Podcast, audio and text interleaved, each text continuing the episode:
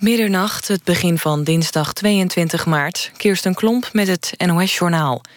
De nationale politie kost nog eens 250 tot 300 miljoen euro extra. Dat staat in een vertrouwelijk rapport van accountantsbureau PwC... aan minister Van der Steur van Veiligheid en Justitie. Volgens de bronnen is het geld bedoeld om ervoor te zorgen... dat de politie op sterkte komt, zodat ze voldoet aan de eisen... Ook vorig jaar bleek dat het omvormen van de 26 politieregio's... tot één nationale politie zeker 230 miljoen extra zou kosten. In Mali hebben onbekenden het hoofdkwartier van de militaire trainingsmissie van de Europese Unie aangevallen. Niemand raakte gewond. Een van de aanvallers is gedood en twee anderen zijn opgepakt. Het hoofdkwartier van de Europese missie is gevestigd in een hotel in de hoofdstad Bamako. Eind vorig jaar kwamen bij een aanslag op een ander hotel in die stad 21 mensen om het leven. President Castro van Cuba is blij met de verbeterde betrekkingen met Amerika, maar hij wil meer. Tijdens het bezoek van president Obama riep hij de Amerikanen op om het handelsembargo tegen Cuba op te heffen. Ook wil hij dat de gevangenis op Guantanamo Bay verdwijnt. FC Twente dreigt opnieuw gestraft te worden door de KNVB. De club heeft de jaarrekeningen in moeten trekken... vanwege de onregelmatigheden rond de transfer van Dusan Tadic. Dat kan de club op een boete en mogelijk opnieuw puntenaftrek komen te staan. Uiteindelijk kan het FC Twente ook de licentie kosten. Bij de uitreiking van de Edisons in Amsterdam was Lil Kleine de grote winnaar. Hij won in de categorie Beste Nieuwkomer, Beste Album en Hip-Hop. Die laatste twee kreeg hij als lid van het hip-hop collectief New Wave. De Edison Pop ging naar Douwe Bob. De jury in Amsterdam vond hem de beste songwriter. En het beste liedje van afgelopen jaar was Parijs van Kenny B. Het weer dan nog blijft vannacht vrijwel overal droog. Morgen overdag is het opnieuw vaak grijs... met landinwaarts af en toe een bui. Het wordt maximaal 10 graden. Dit was het NOS Journaal. NPO Radio 1. VPRO. Nooit meer slapen.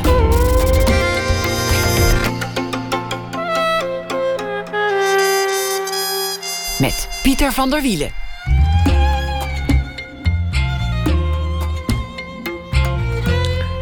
Goedenacht en welkom bij Nooit meer slapen. Aan het einde van de dag waarop Nederland voor het eerst 17 miljoen inwoners stelde. De dag ligt open als een ei in zijn gebroken schaal. Dat is de titel van de dichtbundel van Bernard Wesseling. Hij komt langs na één uur. Fotograaf Karel van Hees ging embedded. Hij verbleef in 24 scholen in zijn woonplaats Rotterdam. Want hij was benieuwd naar de staat van het onderwijs. Dat allemaal na ene. We beginnen met Laura Starink. Slag om Oekraïne heet het boek. Voor wie zich aan de vooravond van het referendum over het associatieverdrag met Oekraïne wil verdiepen in de materie. Laura Starink is geboren in 1954. Zij is journalist. Al jong was duidelijk dat haar blik op het oosten gericht zou zijn. Vanuit haar afkomst en opvoeding was dat logisch. Haar moeder was Duits en Slavisch. Daar schreef ze later een boek over, die familiegeschiedenis, Duitse wortels. Haar vader was gefascineerd door Rusland en Laura werd zelf correspondent voor NRC Handelsblad in wat toen nog heette de Sovjet-Unie, een land dat voor haar ogen uiteenspatte. Ze bleef het land altijd volgen als journalist, schreef meerdere boeken. Niet zo lang geleden schreef ze Schaduw van de Grote Broer over voormalig delen van het Sovjetrijk. Welkom, Laura Starink. Welkom, jij ook. Je, je, je leerde vroeger dat je, dat je Duitse wortels had, maar Slavisch, dat klonk wat zachter. En op een dag sterft je moeder en ben je eigenlijk nooit toegekomen aan dat gesprek, ben je er nooit aan toegekomen om uit te vinden wat nou precies die wortels waren, wat nou precies het verhaal was.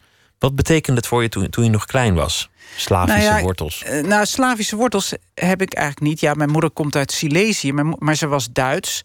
Silesië eh, eh, is na de oorlog aan, aan Polen vervallen, zeg maar. Omdat Stalin besloten had om Polen zeg maar 200 kilometer naar het westen te duwen. Omdat hij zelf het oostelijke deel van Polen aan Oekraïne wilde toevoegen. Eh, en, eh, en toen zijn de Duitsers daar eh, uit dat gebied verdreven. Maar eigenlijk was die hele geschiedenis mij onbekend, omdat mijn moeder daar nauwelijks of niet over sprak thuis. Ik wist wel natuurlijk dat ze Duits was en ik had familie in Duitsland. Maar over de oorlog werd bij ons thuis eigenlijk niet of nauwelijks gesproken. En ik heb dus eigenlijk pas toen ik aan, aan dat boek Duitse Wortels begon. ontdekte ik eigenlijk pas dat haar wortels en de mijnen dus ook heel erg in Midden-Europa lagen. Dat het zo ver was, dat Silesië. He, voor mij had dat al in mijn jeugd altijd ook een beetje geklonken als Siberië. Zover was het niet. Maar het was wel echt Midden-Europa. Uh, veel meer dan West-Duitsland. Het worden ook wel eens de, de bloedlanden of de bloedgebieden genoemd, omdat dit eigenlijk is waar de grote strijd van de 20e eeuw, de Eerste Wereldoorlog, de Tweede Wereldoorlog, de, het uitbreiden van het Sovjet-imperium, daar heeft het allemaal plaatsgevonden. En daar zijn ook grote groepen maar verplaatst van, van overheidswegen. Ja. Ongewenst, ongewild. Ja. Ja, dat, eh, dat maakt het gebied zo, zo fascinerend. Je, je ziet dat uh, die hele strook landen die, die altijd klem hebben gezeten, zeg maar tussen aan de ene kant Rusland en aan de andere kant Duitsland. in, de, in de 20e eeuw het Duitse Rijk en eh, aanvankelijk het Russische Tsarenrijk, maar later eh, de Sovjet-Unie. Dat die eh, gebieden die zijn altijd geplet geweest door die twee grote buren. En natuurlijk vooral in de jaren 30 en, en, en tijdens de Tweede Wereldoorlog zijn daar de meest verschrikkelijke dingen gebeurd. Daar heeft Timothy Snyder inderdaad, de Amerikaanse historicus, dat prachtige, maar gruwelijke boek Bloedlanden over geschreven. en hij was voor mij eigenlijk de eerste die zeg maar, beschrijft die, die geschiedenis van dat hele gebied in zijn, in zijn context van zowel zeg maar, de nazi-overheersing als de, de, de, communistische overheersing en hoe die twee op elkaar hebben ingewerkt. En dat is niet misselijk geweest. Jouw moeder heeft als kind op een school gezeten die de Adolf Hitler Schule heette. Ja, in de Adolf Hitlerstraße nummer 1.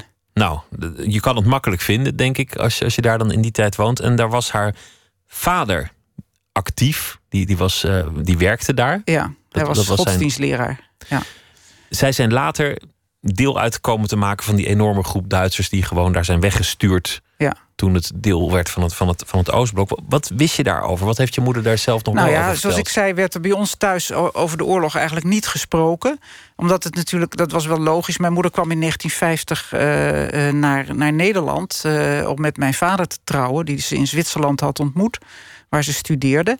Uh, en uh, uh, ja, als, als Duitser in Nederland was je natuurlijk niet populair. Dus mijn moeder heeft om te beginnen heel snel het Duits afgeleerd. En ik ben dus ook niet tweetalig opgevoed, helaas. Had ze wel een accent? Ze had een, een accent, maar dat hoorde ik niet. Dus als mensen, dat, zoals dat vaak gaat natuurlijk... maar als, dus als kinderen, vriendjes en vriendinnetjes tegen mij zeiden... van, god, die moeder van jou, die, die, wat praat die raar... dan was ik altijd enigszins beledigd, want zelf hoorde ik dat helemaal niet. Ze sprak heel goed Nederlands, maar ze had wel een Duits, licht Duits accent, ja.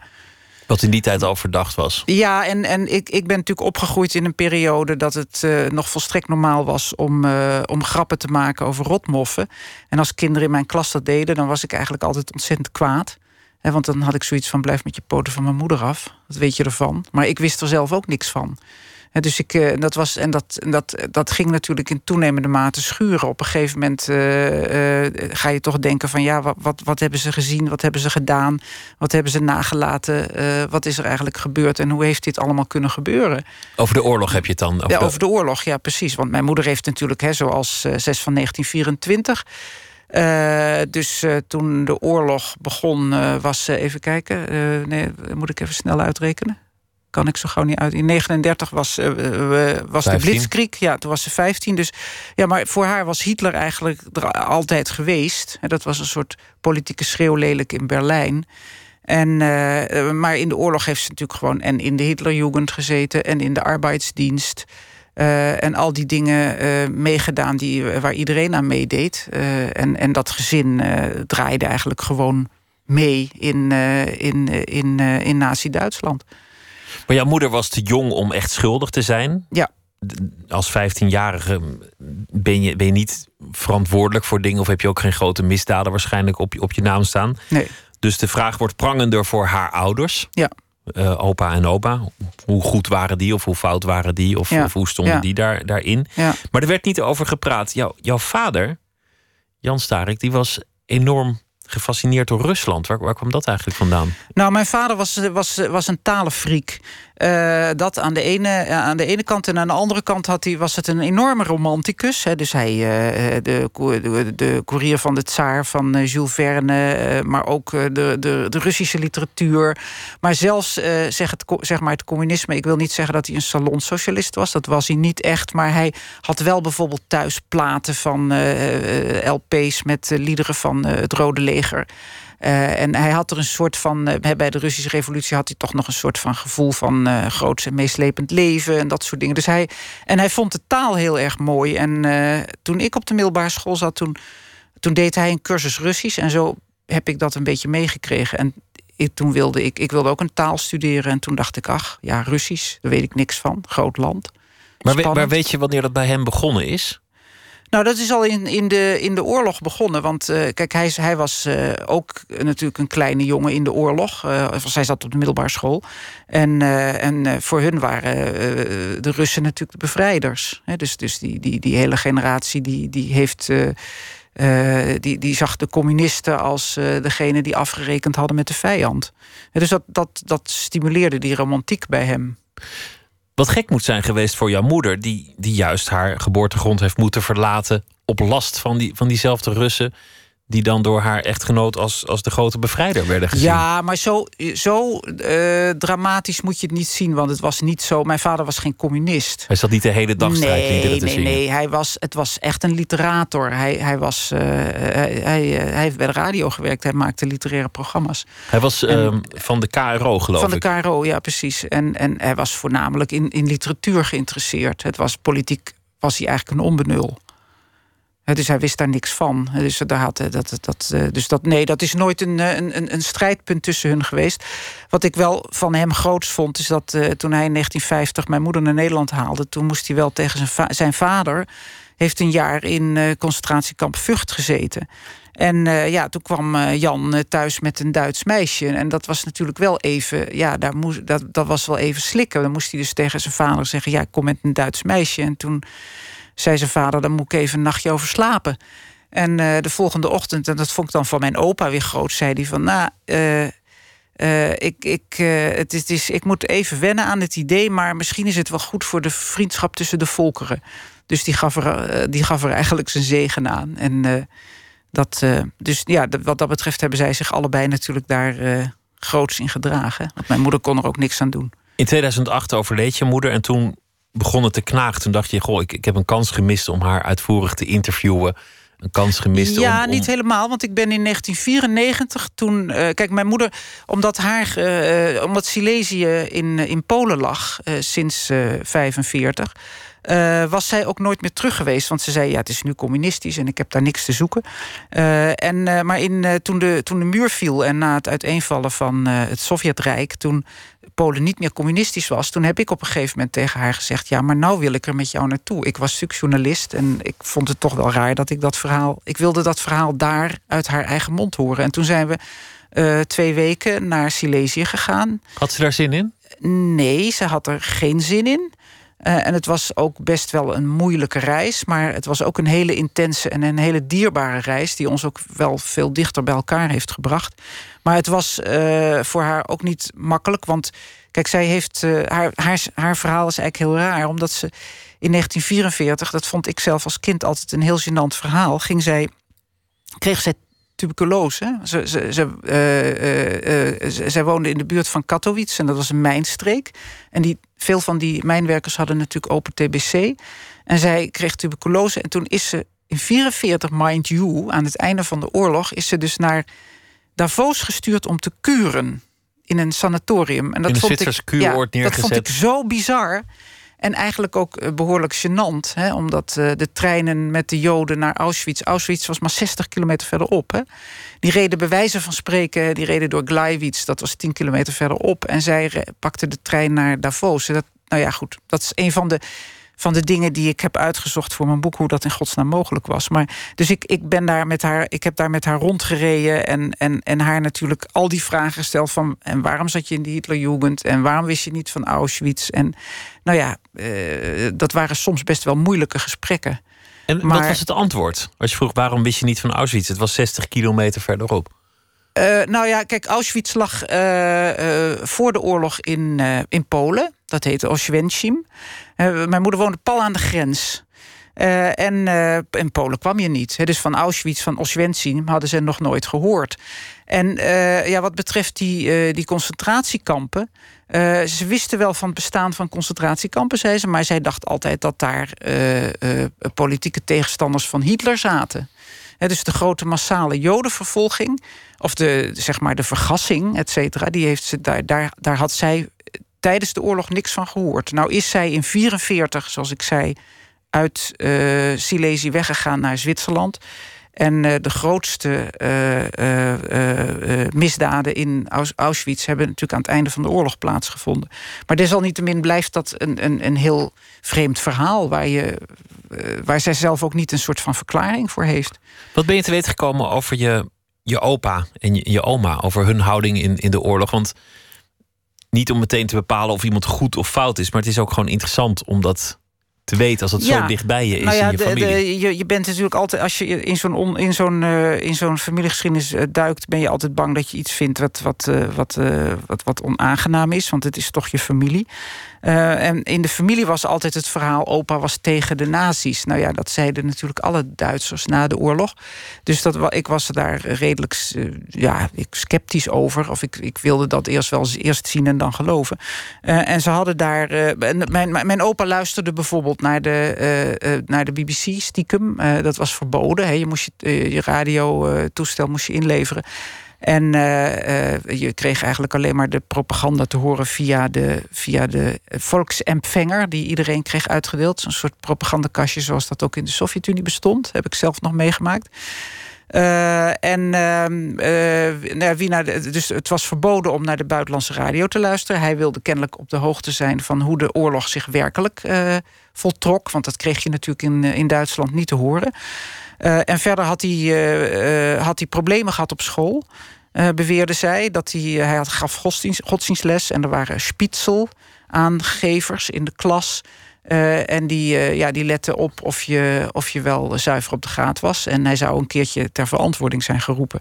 Nou, ik was ook een beetje daar tegenover. Dat verhaal was vrij redelijk vaag.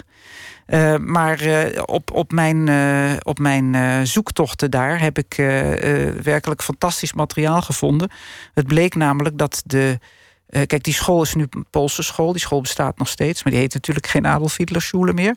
En die, die school heeft, had de archieven niet meer. Maar ik heb, ik heb die archieven teruggevonden in het staatsarchief van Katowice. En daar vond ik, tot mijn stomme verbazing het lerarendossier van mijn opa Georg Tsibis. En daar zat een verslag in van een verhoor uh, waaraan hij was onderworpen. Waaruit inderdaad bleek dat hij uh, uh, zich laatdunkend had uitgelaten over het naziregime en dat hij daarvoor een douw had gehad. Vervolgens heeft hij kennelijk eieren voor zijn geld gekozen, want hij had zes kinderen te voeden, et cetera. En, en verder zal hij zich keurig netjes gedragen hebben. Want het was geen verzetsheld. Maar toch een soort opluchting. Hij stond aan de goede kant. Ja, ja, in zekere zin wel. Is dat, is dat, uh, ja, goed, ik heb die man niet gekend. Dus ik, had er, ik heb er verder ook geen uh, emotionele band mee. Uh, maar het was in ieder geval wel prettig om te merken dat mijn moeder me niet had voorgelogen, zeg maar. of dat ze de, de, de, zaken niet mooier had voorgesteld dan ze misschien geweest waren. Je moeder ging kuren in, in Davos ja. aan het einde van de oorlog. De Silesiërs die werden verdreven. Er zijn, er zijn daar gruwelijke dingen gebeurd. Ja. Uh, verkrachtingen. Ja. Mensen zijn opgepakt en gewoon naar, naar, naar Siberië vervoerd zonder, zonder reden. Het staat allemaal in, in boeken. Zij heeft, zich er eigenlijk, zij heeft eigenlijk een, een mild lot gehad. Ja. Een ander lot dat je kan treffen, ook, ook zonder moord, plundering en verkrachting, is dat je dan ineens achter het ijzeren gordijn woont. Ja. Dan is daar even beslist door de grote leiders dat jouw lot is, dat jouw leven in een ja. merkwaardig systeem zal plaatsvinden verder. Ja, nou ja, kijk, dat gold dus. Mijn moeder was dus weg, hè, die, die heeft dat niet meegemaakt, maar haar, uh, haar familie natuurlijk wel. Het is, uh, je moet je voorstellen, er was een groot verschil tussen het Westfront en het Oostfront. Aan het einde van de oorlog hadden alle Duitsers uh, waren het natuurlijk verschrikkelijk zat. Iedereen snakte naar vrede. Maar in, in het, aan het Westfront werden de geallieerden eigenlijk met opluchting ontvangen. Maar aan het oostfront was de angst voor het Rode Leger immens. Dat kwam voor een deel door de, uh, door de nazi-propaganda... die de judeo-bolsjewieken voorstelden als beesten... die wel eens even zouden komen afrekenen met, uh, met de Duitsers... en die figuurlijk wraak zouden nemen... Maar aan de andere kant, het, het, het pijnlijke van de geschiedenis was dat, uh, uh, dat het Rode Leger zich ook zodanig heeft gedragen. Dus uh, die bleken, de nazi-propaganda bleek in dit geval te, kloppen. Dus het Rode Leger is inderdaad brandschattend en plunderend Duitsland binnengevallen. enerzijds verklaarbaar vanwege de verschrikkingen die de Duitsers daar zelf in, het, in het oosten hadden aangericht. Uh, en anderzijds kwam dat voort uit het feit dat Stalin het niet zo nauw nam met, uh, met de mensenrechten. En die, die heeft het, het leger, het Rode Leger, eigenlijk gewoon de vrije hand gegeven. En daar hebben ze duchtig misbruik van gemaakt. En mijn familie zat dus in, in dat grensgebied. En de, de, de, het Rode Leger viel binnen. Um, mijn opa had inmiddels zijn vrouw en de drie kleintjes uh, eh, 100 kilometer verderop geprobeerd in veiligheid te brengen. En was zelf met zijn uh, uh, dochter Lotte het huis blijven verdedigen. Want die had zoiets van: ik knappe jongen die mij hier wegkrijgt. Want ik heb hier een huis en ik wil hier gewoon blijven wonen. Nou goed, dat Rode Leger is daar overheen gegaan. En daarna werd het gebied Pools. En toen zijn de Polen begonnen met wilde verdrijvingen. Die, hebben dus, uh, die, die Polen kwamen zelf natuurlijk, eh, die waren zelf ook verdreven uit, uh, uit Oost-Polen door de Russen. En, en die eisten de huizen op. En, en toen, ja, toen zijn er dus in, in een paar jaar tijd, van 45 tot, tot 48, zijn er in dat hele gebied tussen de, men weet niet precies hoeveel, maar tussen de 11 en 14 miljoen Duitsers gedeporteerd. En daarbij zijn honderdduizenden mensen omgekomen. Want dat ging er bepaald niet zachtzinnig aan toe. En dat was eigenlijk de grootste etnische zuivering van de 20e eeuw. Jouw moeder is er goed van afgekomen. Ontmoette uiteindelijk in Zwitserland uh, jouw vader. Niet in het kuuroord, maar, uh, maar toen ze aan het studeren was. Jij werd geboren in 1954. Je groeide op met een vader die hield van Russische literatuur. En dat toch nog een beetje als de, de bevrijder zag. Jij besloot Russische talen te gaan studeren. Dan, dan kreeg je waarschijnlijk Russisch, Slavisch en uh, dat werd allemaal een beetje waarschijnlijk ja, Russisch, Oud-Kerk, Slavisch en Pools heb ik gedaan. Uh, maar Pools spreek ik niet echt hoor, maar, uh, maar Russisch wel. Ja. En zo werd je uiteindelijk journalist. En dat was nog in de tijd van, van de, de, de Sovjet-Unie. Weet je nog de eerste keer dat je overstak het ijzeren gordijn over om daar als student of jonge verslaggever iets te gaan doen? Uh, nou, ik heb een, uh, in 1979 een jaar in Leningrad gestudeerd. Was dat de eerste uh, keer ook dat je. Nou, nee, ik was er al eens eerder geweest met zo'n toeristenreis. Je had toen in toerist. En dat was allemaal heel met, met gidsen enzovoort. Je mocht, uh, je mocht absoluut niks uh, zelfstandig doen, et cetera.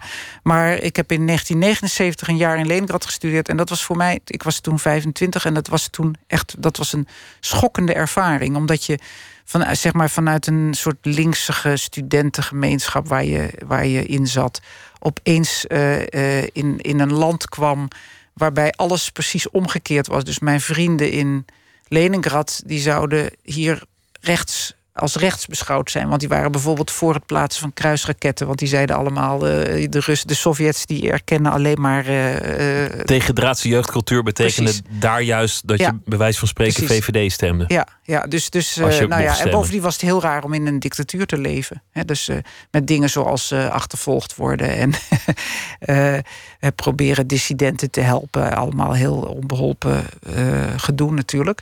Maar, maar ook hele, hele gekke ervaringen dat, dat wij bijvoorbeeld een vriend hadden. En als wij bij hem s'avonds gingen vodka drinken en politieke grappen vertellen, waar wij zijn moeder bij zat. En die moeder werkte op het instituut waar wij, waar wij studeerden. Dan zei zij: Denk erom, als jullie me morgen tegenkomen, dan kennen jullie me niet. want zij mocht, de, de, de, het mocht niet bekend worden dat zij met ons omging, met buitenlanders. Dat was gevaarlijk in die tijd. Het zijn wel heel rare dingen als je jong bent en je denkt van, nou, wat, wat, wat, wij waren hier natuurlijk zo vrij uh, uh, buiterig opgevoed. Dat, dat zijn wel dingen die, waar je veel van leert. Na dat jaar kwam je terug. Toen zocht je naar verluid een slaapplek en kwam je terecht bij een man die zei: Nou ja, ik heb hier nog wel een kamertje over, hier kan je zo lang logeren. En dat werd later je echtgenoot. Ja, precies, zo ging het. Ook een, een, een Rusland-expert, iemand die zich bezighoudt ja, met. historicus, ja. Als historicus met, met het Oosten. Een verhaal dat over jullie gaat, is dat, dat jij een keer iets in de krant schreef waar hij het niet mee Oh, eens nee, was. toch niet weer dat verhaal. Ja, oké. En hij reageert. Ja. Ja. het is een te Ja. mooi verhaal. Waarschijnlijk Ja. ook helemaal niet waar, maar te mooi. Nee, het is echt waar. Hij, hij heeft toen een ingezonden brief geschreven waarin hij mij verbeterde. Dat was wel een eh, geweldige grap. Eh, Ja, en, die, en, want, eh, ja, en, en die, die brief drukte ze ook nog af. En dat was wel heel geestig. Dus die, ik zag opeens in de krant dat mijn eigen man mij kapitelde over een fout die ik had gemaakt. Ah, fijn. Het huwelijk heeft stand gehouden. Maar betekent dat dat jullie thuis nooit praten over, over het werk of juist altijd over Oh het nee, ja. Nou, dat is heel verschillend geweest in onze relatie. Want aanvankelijk spraken we er natuurlijk heel veel over. Maar ik heb in de, eh, bij de krant, eh, bij de NRC, waar ik eh 28 jaar gewerkt heb, heb ik hele verschillende dingen gedaan. En eh, eigenlijk eh, na de. eh, ik heb tot 19, van 87 tot 91 in Moskou gezeten. En daarna heb ik allerlei andere dingen gedaan. Dus ik ben ook jaren helemaal niet met Rusland bezig geweest. Maar de laatste twee jaar, door de crisis in Oekraïne zijn wij weer, eh, is dat wel weer een heel veel voorkomend gespreksonderwerp, zeg maar. Waarover we het eh, straks gaan hebben. Maar we gaan eerst luisteren naar een Zweedse singer-songwriter, Elbin Lee Meldau. Een liedje dat slechts twee minuten duurt met de titel Lulu. Lulu,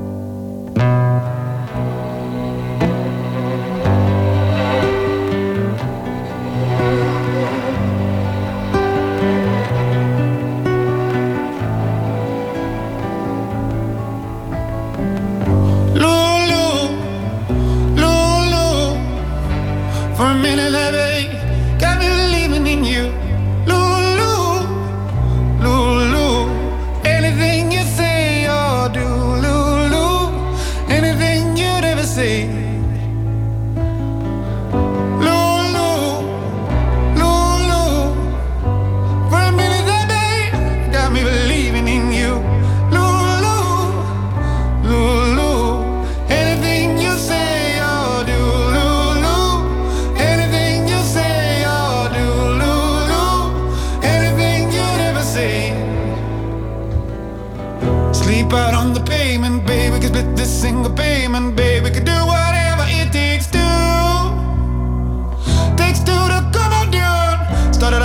off like a bit of fun, but I'm still wasting here with you,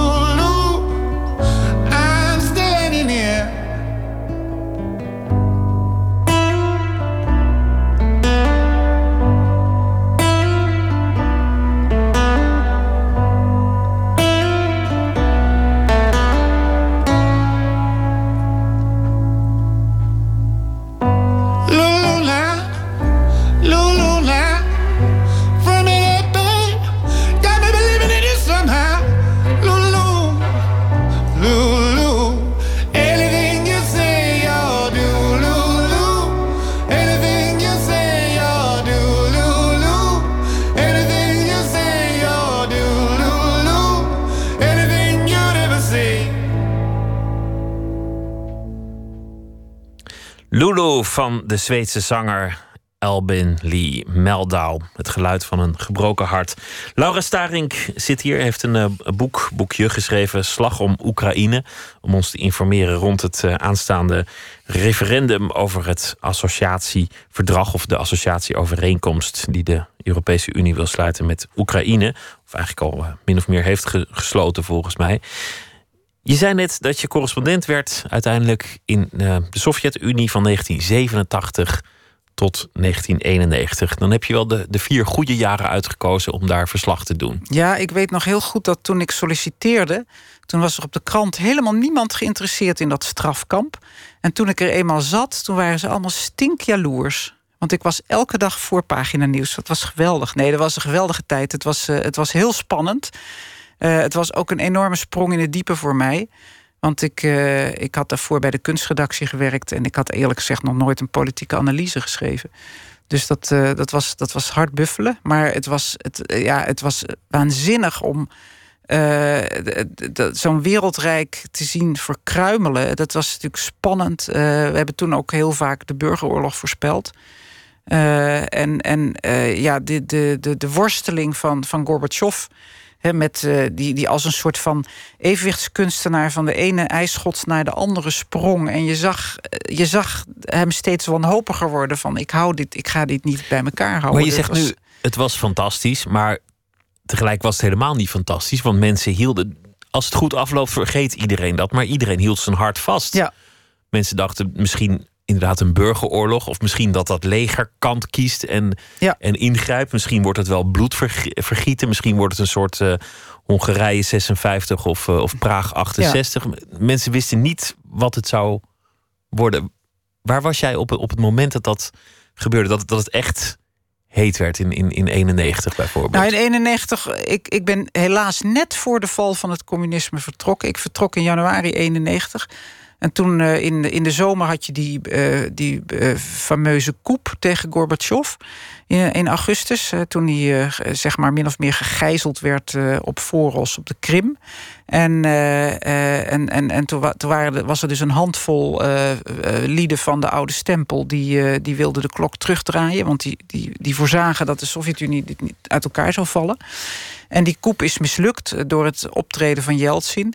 En toen, was ik, toen, ben, toen heeft de krant mij bliksemsnel terug, uh, teruggestuurd. Was, uh, Hubert Smeets was toen mijn opvolger. Maar die, dat was, toen was het verhaal zo groot geworden. Dat, uh, en ik, was toen, ik ben toen naar Leningrad gegaan. En ik weet nog precies dat moment. Ik, ik, die, die koepplegers, dat was, eigenlijk ging dat heel snel mis.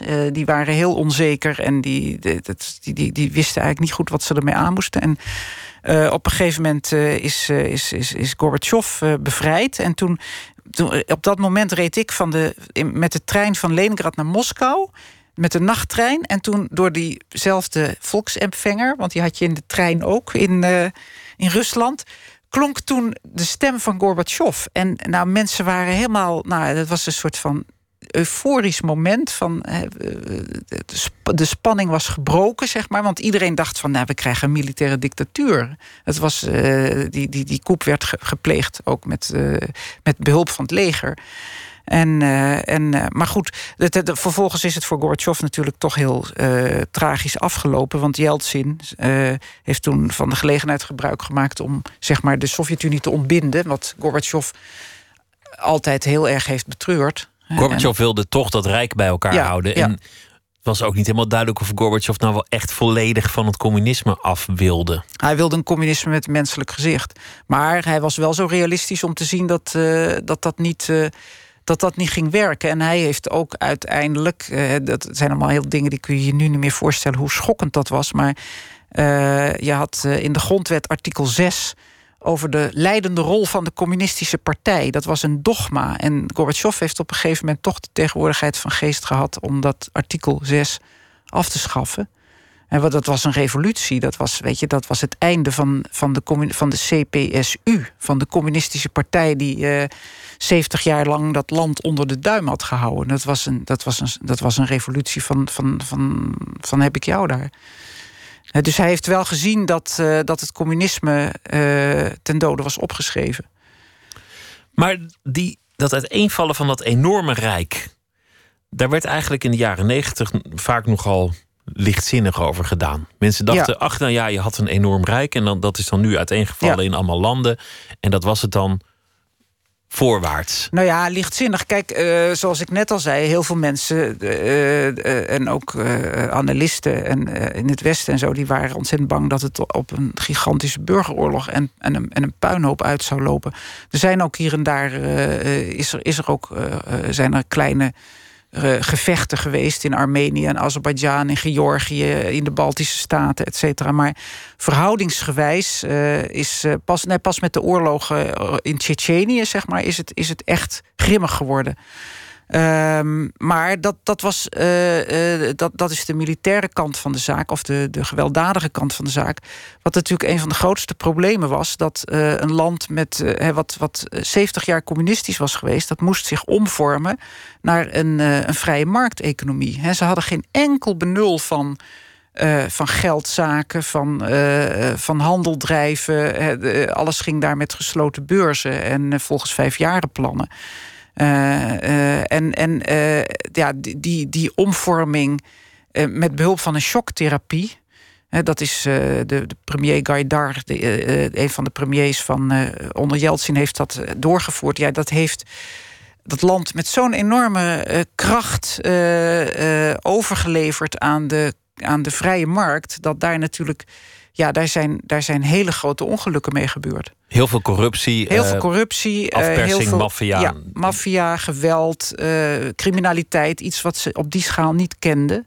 En, eh, en de, de, de zelfverrijking van, eh, van natuurlijk van eh, een aantal eh, eh, slimme oligarchen, eh, zoals je die nu ook in Oekraïne ziet.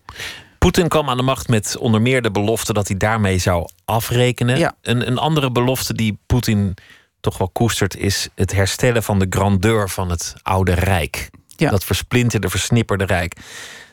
Daar lijkt toch wel in te zitten dat, dat een Rijk niet zomaar uit elkaar kan vallen zonder dat er sentimenten gaan opspelen. Zonder dat er nostalgie komt. Ja. Dat, dat het gevoel dat het bij elkaar hoort toch wel ergens de kop op zal steken. Ja. Is dat, is dat wel eens onderschat achteraf? Ja, Omdat dat, is, ja, dat is zeker onderschat. Eh, eh, kijk, ehm, eh, je weet natuurlijk nooit. eh, De, de persoon van Poetin eh, speelt daar natuurlijk best wel een belangrijke rol bij. Het had misschien ook anders kunnen gaan. Maar je moet je voorstellen, bij het uiteenvallen van de Sovjet-Unie woonden opeens 25 miljoen Russen in het buitenland. En eh, als je ervan uitgaat dat de Russen altijd het overheersende volk zijn geweest in, in de Sovjet-Unie, die dus die, die, het dominante volk die de macht hadden, eh, dan was het voor die 25 miljoen Russen was dat natuurlijk slikken. Eh, dat is de kant van eh, de mensen die in de Baltische Staten zijn beland... of die opeens in Oekraïne woonden, wat onafhankelijk werd. In, in, ah, dit speelt zich allemaal af in 1991. Eh, eh, eh, en anderzijds is, heeft Poetin natuurlijk een soort van ideologie ontwikkeld... eh, in de loop van de, van de jaren. Van wij, zijn, wij, zijn, eh, wij zijn gemarginaliseerd en dat is ten onrechte. Er is een monopolaire wereld ontstaan met Amerika als een, eh, als een, eh, eh, eh, een, een, een, eh, de, de alleen overgebleven grootmacht. En dat is, eh, daar, daar zijn wij het niet mee eens. Wij zijn, eh, wij zijn wel belangrijk, wij zijn wel groot. En hij is langzamerhand begonnen om eh, dat, eh, dat verloren terrein terug te winnen. En dat doet hij natuurlijk ook eh, voor binnenlands politieke redenen. Hè, om, eh, om, om eh, kijk, laten we wel wezen. Poetin heeft, is nu 15 jaar aan de macht. Hij heeft in, dat, in die 15 jaar zijn land niet of nauwelijks hervormd. Hè, dit is nog steeds een land wat volstrekt afhankelijk is van olie en gas. Nu de olieprijs spectaculair aan het dalen is, begint dat opeens een probleem te worden. Eh, en eh, eh, dan moet je je grootheid ergens anders uithalen. En dan komt zo'n ideologie goed van pas. Dan de Oekraïne. De laatste jaren ben je erg intensief bezig geweest met het land. Je, bent je bent er ook vaak geweest. Een van die landen die ooit deel uitmaakte van de Sovjet-Unie. Waar later ontzettende corruptie is opgekomen. Nog steeds een, een reusachtig probleem in het land. Waar nog niet eens zo lang geleden een revolutie heeft plaatsgevonden. De, de oude heerser die werd weggestuurd. Een land dat eigenlijk nu tussen twee rijken in zit, als je het zo wil zien. Nou, Opnieuw, ja. het, Ja. het, het niet echt bestaande Sovjet-Unie-rijk van Poetin, waar hij toch van droomt. Die denkt in invloedssferen. En het Europese Rijk, dat ook geen rijk is, maar dat ergens ook denkt in invloedssferen. Mhm. En dit land zit daar tussenin. Ja. Hoe kijk jij daar tegenaan? Wat, wat wil allereerst de Oekraïner? Is het, is het wel waar dat hij zonder meer bij Europa wil? Ja, de Oekraïne bestaat natuurlijk niet, maar eh, eh, daar, is, daar wordt heel veel over gesteggeld. eh, of, ze, of ze nou verdeeld zijn of niet. Eh, eh, er, is een, er, is een, eh, eh, eh, er is natuurlijk een, een, een, fors deel van de Oekraïners die eh, eh, eh, heel erg Europees eh, gericht zijn. En je hebt in het oosten, het gebied wat, wat in opstand is gekomen, heb je een, een, eh, een, eh, een meer op Rusland gerichte bevolking. Eh, Die ook eh, natuurlijk hele nauwe economische banden hebben met Rusland. Eh, waarom is Oekraïne voor Rusland zo belangrijk? Omdat ja, dat heeft, het heeft historische redenen. Dus de, de, de Ki- Kiev was eigenlijk de eerste hoofdstad van het Russisch Rijk, zou je kunnen zeggen. De Kiev, ze noemen dat Kiev Rus. Dat, dus Kiev is ouder dan Moskou. En daar gaan de Oekraïners prat op. Maar de, de Russen ontlenen daar bepaalde rechten aan. Ze, ze twisten over uh, Vladimir de, de Heilige. Dat is een vorst van Kiev die in 988 um, uh, de orthodoxie, het christendom aannam op de Krim. En daarom zegt Poetin nu: de Krim is heilige grond voor Rusland. Uh, want hij ziet het als een Russische vorst. De Oekraïners zeggen: nee, het is een, uh, het is een Oekraïnse vorst. daar, dus er zijn historische, hele, hele sterke historische banden altijd geweest. En dus, dus, dus de, het, de, de scheiding tussen Oekraïne en Rusland is, is moeilijker dan die tussen zeg maar, Rusland en de Baltische Staten. Wat veel meer meer Europees georiënteerde landen altijd zijn geweest. Uh, maar voor. Uh, kijk, Poetin heeft eigenlijk uh, de, de onafhankelijkheid van Oekraïne nooit echt erkend. dat blijkt uit de annexatie van de Krim. Het is natuurlijk een krankzinnige daad van agressie. Dus we hadden na de Tweede Wereldoorlog afgesproken dat we niet meer zouden morrelen aan grenzen. En uh, sterker nog, toen uh, de Sovjet-Unie uiteenviel in 1991, is dat bevestigd. Dat de grenzen uh, van, het, van die 15 Unierepublieken die, die zelfstandig verder gingen, dat die zouden worden gerespecteerd. En Poetin heeft dat ook herbevestigd toen hij zelf aan de macht kwam. Want er zijn eerder is er gedoe geweest over de Krim. Uh, en uh, de eerste de beste gelegenheid uh, neemt hij te baat en annexeert dat grondgebied met, met als argument dat Khrushchev in 1954 de Krim ten onrechte aan Oekraïne heeft toebedeeld. Nou, dat is, en dat is het begin geweest van een, van een, van een enorm conflict tussen Oekraïne en, en Rusland. dat heeft geleid tot een oorlog in de Donbass waar nu 10.000 mensen zijn omgekomen. Um, en, uh, een, een, soort, en daarnaast een soort economische oorlog. Een soort wraakneming van de Russen op het feit dat Oekraïne zich afwendt van, uh, uh, van Rusland. En, en, allemaal heel schimmig, want ehm, niet alle partijen zijn wie ze zeggen dat ze zijn. Ja. er wordt een propagandaoorlog gevoerd van beide kanten maar met, met, met veel verwarring. En midden daarin komt dan ineens dit associatieverdrag en wordt er in Nederland een referendum afgedwongen via, via de, de wetgeving. Jij hebt dit, dit bondige werkje geschreven. Waarom? Wat, wat is jouw nou, omdat, met omdat het mij. Uh, kijk, ik, ik, ik, uh, ik was tegen dat referendum. want ik vind het een veel te ingewikkeld onderwerp voor een referendum. Het is een ver van ons bedshow. Uh, maar iedere... de vraag is op zich helder, ja of nee, voor, voor ja, of tegen het verdrag. ja, maar niemand weet wat het verdrag inhoudt. En vooral weet niemand uh, hoe, de, hoe dramatisch de situatie in Oekraïne is. Uh, en, uh, en wat het effect van zo'n nee kan zijn op de ontwikkelingen daar. Want je moet je voorstellen, de, de, de, dus de Europese Unie heeft zeven jaar met Oekraïne onderhandeld over dit verdrag. In die zeven jaar heeft, uh, heeft het Kremlin nooit uh, substantiële bezwaren geuit tegen het verdrag. Sterker nog, uh, het zeer pro-Russische Servië heeft ook een associatieverdrag met. met de Europese Unie en drijft lustig handel met, met Rusland zonder enig probleem. Um, ter elfde uren heeft Poetin president Janukovic zwaar onder druk gezet om uh, dat verdrag niet te tekenen. Nou, daar is uh, die opstand Euromaidan uit voortgekomen... waarna Janukovic is verdreven.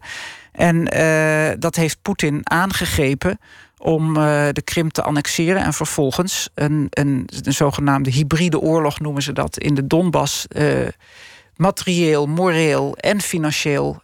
en met militaire middelen te steunen. Kortom, je, je zou kunnen zeggen... dit, dit verdrag komt op een gevoelig moment. En dit, dit verdrag is olie op een toch al smeulend vuur. Nee, dat, dat, dat, uh, die, die conclusie zou ik niet trekken. Kijk, dat is het nee-kamp in het referendum. Uh, uh, staat op het standpunt van de Europese Unie. Heeft een verdrag aangeboden. En kijk, nu ligt Oekraïne in de touwen. Ik vind dat omgekeerde bewijslast. He, dus de, de, de reactie van Poetin en van Rusland op uh, uh, het gedrag van de Oekraïners. Want laten we wel wezen, de Oekraïners hebben gekozen voor uh, die ruk naar Europa. Die wilden dat associatieverdrag. En de, de, de reactie van, van Rusland daarop is zo buitenproportioneel. En zo agressief dat, dat hij erin ge- geslaagd is om iets te doen wat niemand voor mogelijk heeft gehouden. Hij is er namelijk in geslaagd om de Oekraïners en de Russen volstrekt van elkaar te vervreemden. Dus eh, dat land was, zoals ik zei, die twee landen hadden zeer nauwe eh, economische eh, en eh, culturele en historische banden. En eh, eh, op dit moment is eh, een grote meerderheid van de bevolking eh, eh, eh, wil eh, de steven wenden naar, eh, naar Europa. Maar nou, nou is het eigenlijk een ingewikkelde kwestie aan het worden. Want allereerst, ja, wat is een associatieverdrag? Hoe gewichtig is een associatieverdrag? Ja. Is dat een soort proto-toetreding tot die Europese Unie of niet? Laten we ons even concentreren op Oekraïne. Ja. Stel Nederland stemt straks tegen. Dan is het nog ingewikkeld, want de rest van de Europese Unie heeft niet gestemd. Komt dat verdrag er dan wel of niet? Dat, weet dat niemand. weten we eigenlijk niet. Nee. Wordt het dan iets anders geformuleerd en alsnog er doorheen eh, eh, gejast of niet? Dat is allemaal een beetje eh, vaag terrein. Ja. Maar dat land zit nu tussen twee werelden in. Ja. Aan de ene kant een beetje gericht op Europa, aan de andere kant een beetje gericht op het oosten. Ja. Wat, wat gebeurt er met, met Oekraïne als dit welke kant dan ook opgaat? Want het land heeft nu te kampen met economische problemen, politieke problemen, veel corruptie. Ja. Welke kant kan het opvallen? Nou, kijk, waarom, waarom zijn de mensen bij Euromaidan de straat opgegaan? Eh, omdat ze eh, de corruptie zat waren. Kijk, het nee-kamp zegt... eh, Oekraïne is een ontzettend corrupt land... daar moeten we geen zaken mee doen.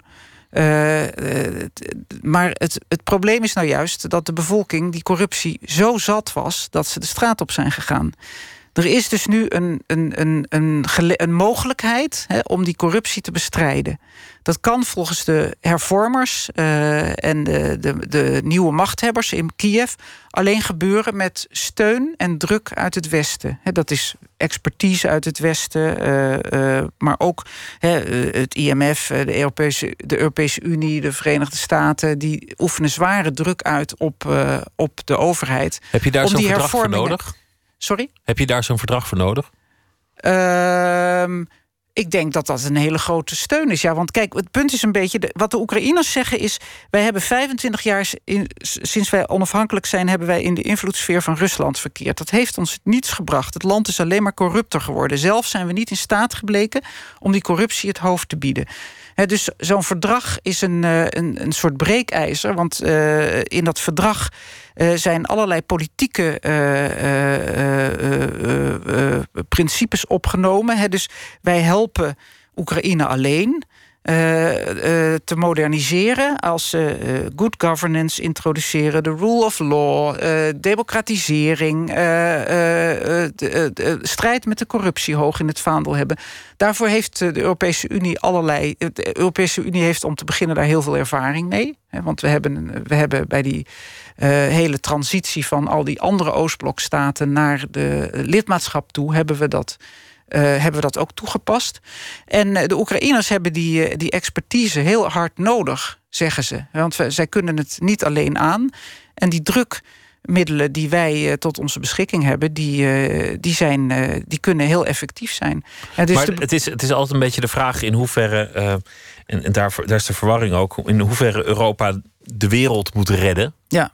Mo- Moet, moet Europa Oekraïne redden, ja of niet? Of moeten ze maar zijn eigen problemen oplossen? Het ene moment wil Europa wel de wereld redden, het andere moment weer niet. Ja, kijk, wat je kunt zeggen is dat Europa in zekere zin eh naïef is geweest, of in ieder geval niet heeft voorzien dat, eh, dat, eh, dat Poetin zo agressief zou reageren. Hè, dus er is op een gegeven moment. Oekraïne en, en een aantal andere landen, zoals Moldavië en, eh, en Georgië, eh, ex-staten van de Sovjet-Unie, die hebben eh, al eerder aan de bel getrokken om zich bij Europa aan te sluiten. Maar omdat de Europese Unie natuurlijk wel voorzag dat deze landen te corrupt waren om toe te laten, of een, nog een te, te lange weg moesten gaan om toe te laten tot de Europese Unie, is er destijds het Eastern Partnership opgericht. En dat was eigenlijk min of meer bedoeld om ze buiten de deur te houden, maar om ze toch een soort van, nou, eh, steun te geven. En daar is dit associatieverdrag uit voortgekomen. Hè, met met eh, Georgië en Mol- Moldavië zijn eh, stilletjes eh, deze, eh, zijn op hetzelfde moment ook twee associatieverdragen gesloten. die, die niet aan een referendum in Nederland onderworpen zijn. En dat zijn zeg maar geen garanties op lidmaatschap, maar wel een steun in de rug. Als, als, als een land zich tot Europa wendt en zegt van nou ja, wij willen graag, wij willen moderniseren, dat is ook in jullie belang. Dit land is, is corrupt en moet daarmee afrekenen. Ja, dan op een gegeven moment, eh, dat is de, de- dan, dan, is, dan, dan, dan bied je ze dat handvat. Dat, zo heeft de Eu- Europese Unie geredeneerd. Nu even een, een, een stap verder, want eh, er is een ja-kamp, er is een nee-kamp. Ja. De, de, de strijd kan beginnen. Maar nu gebeurt er eigenlijk iets, iets, iets wonderlijks in die discussie, merk ik. Wat je steeds vaker in, in welke discussie dan ook trouwens ziet. Wat je ook in, in Rusland ziet, namelijk. Jij schrijft zo'n boekje en meteen ben je verdacht. Die mevrouw heeft vast een agenda, die wordt vast betaald. Die, Ja. die mevrouw die zit vast zomaar Kennis in is een kamp. verdacht, ja. ja. Ja, merk je dat? Ja, ik merk dat heel erg. Ja, dat, dat, eh, dat, eh, eh, nou ja, dat, is, dat heeft natuurlijk alles te maken met de sociale media. Je, wordt, je wordt voortdurend van alle kanten belaagd. En, en, en iedereen heeft overal een mening over. Ehm, eh, de, maar het is natuurlijk ook, ja, kijk, het, het, eh, het is inderdaad, eh, dat, dat, het, het is de, de, de Kremlin-propaganda die werkt zo. Hè, dus die, die, eh, Siteverwarring. ja, die zaaien voortdurend verwarring over wat er eigenlijk. Dat, dat zie je heel goed in de discussie rondom de MH17. Hè, van er blijven maar verschillende samenzweringstheorieën steeds de lucht ingeworpen worden. En, en niemand weet eigenlijk nog wat er. Wat er, wat er waar is. Er is een prachtig boek over geschreven. Nothing is, eh, true and every, no- nothing is true and everything is possible. Van Peter Pomerantsev. Dat is een Rus die negen jaar bij de Russische televisie heeft, staatstelevisie heeft gewerkt. En die gewoon beschrijft in dat boek hoe je, eh, ja, hoe je die, die, door continu verwarring te zaaien, eigenlijk. Eh, eh, de, de, de, totaal, de waarheid onderuit haalt. Er is geen waarheid. Er is alleen maar een versie van de waarheid. En, en, en daardoor wordt het steeds moeilijker om iets eh, eh, om, om, om, om, om op feiten af te gaan. Het is, het is, En, dat, merk jij nu je in dit debat mengt. Ja, dit, dit debat is zeldzaam gepolitiseerd. Hè, dus, eh, dus iedereen heeft er een mening over. Maar En, misschien eh, ook omdat het, dat het ingewikkeld is en eigenlijk over meerdere dingen tegelijk Dat is gaat. ook zo, maar dat is nou precies ook de reden waarom ik het geen goed idee vind om er een referendum over te houden. Omdat het heel, een hele complexe materie is. En waarom heb ik dit boekje geschreven? Omdat het mij zeer stoorde dat, eh, dat iedereen er een mening over heeft, maar dat de Oekraïners eigenlijk nooit of, of, of, of zelden wat wordt gevraagd. Je hebt Dus, er heel eh, veel geïnterviewd. Daar komen we terug bij, bij wat eigenlijk ook het thema was van het boek dat je hebt geschreven over de voormalige Sovjet-Unie en het boek over je familie. Mensen die door de loop van de geschiedenis zomaar ergens in Ja. terechtkomen. Ja. Ineens woon je in de Sovjet-Unie, dan woon je buiten de Sovjet-Unie, dan Ja. ben je een Silesiër, dan ben je een Duitser, dan ben je een Pool, dan ben je een Rus. Ja. Het wordt allemaal voor je bepaald. Ja. Mensen worden verplaatst. Als je de geschiedenis ontmoet, is dat zelden een gelukkige ontmoeting. Ja. Ja, dat is wel een constante, ja. En dat, eh, nou ja, eh, en, en door deze hele. Door het feit dat we nu weer in een oorlog zitten in Europa. En het, het gekke is. eh, heel veel mensen hier spreken over een burgeroorlog in Oost- eh, het is geen burgeroorlog, want eh, de Donbass, het, het wat overigens, eh, wat ook heel weinig mensen weten, het is een piepklein stukje van, van Oekraïne. Hè. Men denkt heel, het hele oosten staat in brand. Het is niet waar. Het is omsingeld door eh 60.000 Oekraïnse soldaten inmiddels. En het is, het is, is afgegrendeld. Er wordt nog steeds gevochten. Maar dat gebied, die grens met Rusland is open. En het gebied wordt geheel bestuurd door, door Rusland. Dus de, de, de rebellen zijn eh, zeg maar ondergebracht in legeronderdelen... die door eh, Russische eh, militairen worden aangestuurd. De pensioenen... de, de, de soldij van de rebellen, de salarissen van de ambtenaren die daar wonen, die worden uit Moskou betaald. Eh, er worden politieke partijen opgericht nu, omdat eh, er, er- er moeten verkiezingen komen daar, eh, want eh, dat, dat gebied moet een aparte status krijgen. Zit, eh, eh, eh, Moskou zit er dik in. Eh, het is geen burgeroorlog. Het is een kunstmatig gecreëerd conflict. Eh, als de Russen niet hadden ingegrepen, dan had eh, het Oekraïense leger, die eh, enkele tienduizenden rebellen waar het om ging, al lang eh, ontwapend en, eh, en onschadelijk gemaakt. Zie daar de, de propagandaoorlog. Jouw fascinatie voor het land. Je hebt er vrienden wonen. Je ging erheen als, als student. Je hebt je groot, een groot deel van je leven besteed aan het bestuderen Ja. van, van, van dat grote Russische Rijk. Is jouw liefde voor dat land nog even groot? Is, is jouw vriendschap nog even intens? Of merk je dat voor daar. Rusland of voor Oekraïne? Rusland. Voor Rusland. Zijn jouw Nou- Russische vrienden nu ook veranderd? Of vermijd je het politieke. Nee, mijn Russische vrienden zijn gelukkig niet veranderd. Maar ze zijn wel knap wanhopig op het moment. Eh, eh, de, de, de sfeer eh, in het land is, is onaangenaam. Als je naar de televisie kijkt, dan geloof je je ogen niet. Dus de, de, de, de haat die er over Oekraïne is uitgestort in die eerste periode. Eh, de, en, de, en de euforie over de, eh, de annexatie van de Krim. Die, die, eh, wat, wat pure diefstal is. Ik, ik herinner me bijvoorbeeld dat ik in Kiev een keer een, ehm, eh, een directeur van een scheepswerf uit Sebastopol tegenkwam. Die zei: Ja, ik ben gewoon bedrijf, ik ben bedrijf kwijt. Dat, is, dat is genaast. Dus, eh, maar, maar ook de, de hele eh, de nationa- nationalistische hysterie. De krankzinnigheid dat, een, dat het Kremlin Russische patriotten stimuleert om in het buitenland hun Kalashnikov te gaan leegschieten. Want dat is wat er gebeurd is. Hè, Die, die zijn, inmiddels zijn die mensen terug, eh, terug in Rusland. Maar er is gewoon. Dat is, dat is door de overheid gestimuleerd om te gaan vechten in het buitenland. Nou, dat, dat, dat heeft de sfeer eh, in, eh, in Rusland eh, eh, behoorlijk verziekt. En ja, dat is mogelijk gemaakt door een, een, een staatstelevisie die, ja, die eigenlijk niet om aan te zien is. En eh, nou goed, nu is Oekraïne eh, zeg maar van de, van, eh, een, beetje vervangen door Syrië. Na, na, na de oorlog in Oekraïne eh, was, er, was er een nieuwe eh, veldslag eh, op de televisie. En ja, daar, daar, daar zie je ook weer voortdurend wordt er, er worden alleen maar hoera-verhalen verteld. Hè, over zoveel bommen gegooid, zoveel dorpen bevrijd, zoveel terroristen neergeknald. En om het het is, imago van grote Ja, leider ja. te, te bestendigen? en dat, dat is een, dat is een voor zeg maar het weldenkende deel der natie, en dat zijn mijn vrienden wel, geloof ik, is dat een hele onaangename eh, ervaring. Het boek heet eh, Slag om Oekraïne. En eh, is goed leesvoor voor iedereen die zich nog wil verdiepen in, in het land. Waar het uiteindelijk over gaat bij dat aanstaande referendum. Dankjewel, Laura Staring. We gaan luisteren naar Nina Simone uit 1967. Toen schreef ze dit nummer: I want a little sugar in my bowl. Het is niet echt van haar, het is eigenlijk van Bessie Smith, maar uitgevoerd door Nina Simone.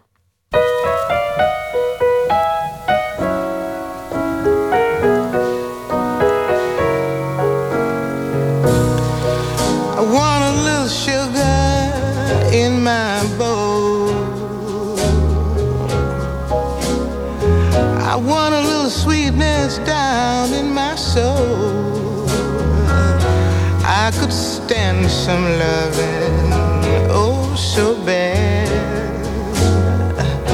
I feel so funny, I feel so sad.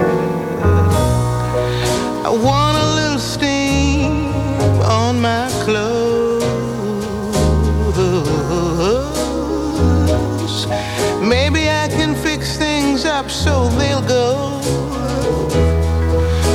The matter, Daddy? Come on, save my soul. I need some sugar in my bowl. I ain't fooling. I want some sugar in my bowl.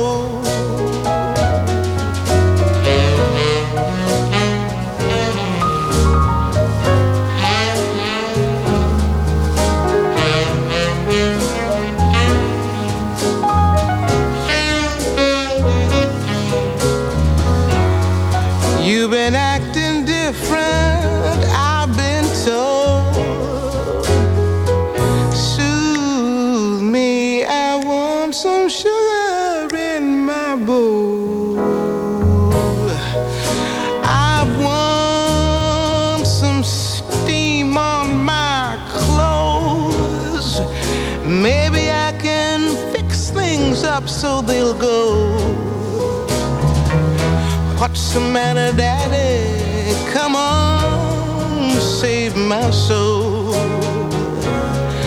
I want some sugar in my bowl. I ain't fooling. I want some sugar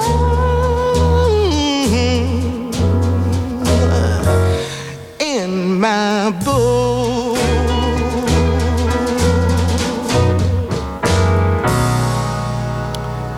Het album Nina Simone Sings the Blues uit 1967. Zometeen gaan we verder met Nooit meer slapen. En dan gaat het eh, over poëzie, onderwijs. En Daniel D. die zal de dag samenvatten. Twitter, het VPRO NMS of via Facebook kunt u ons volgen. Tot zo. Op Radio 1. Het nieuws van alle kanten.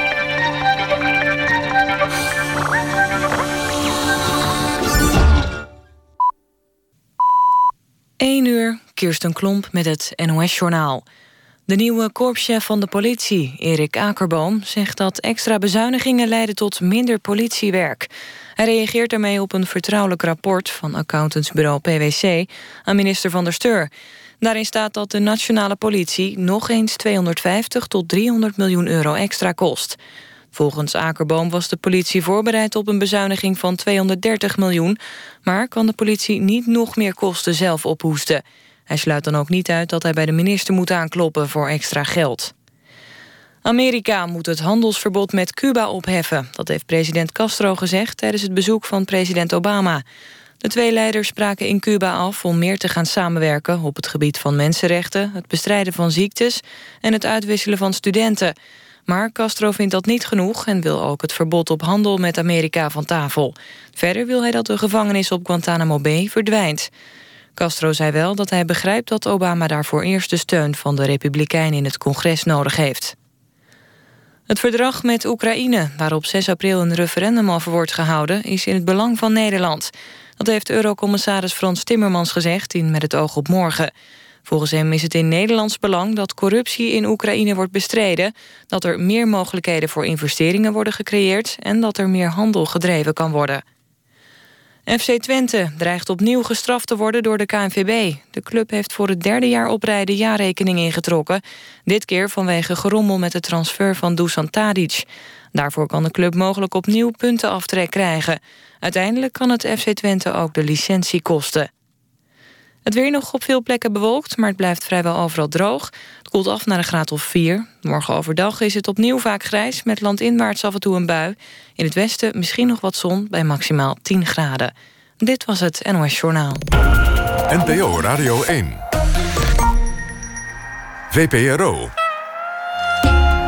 Nooit meer slapen.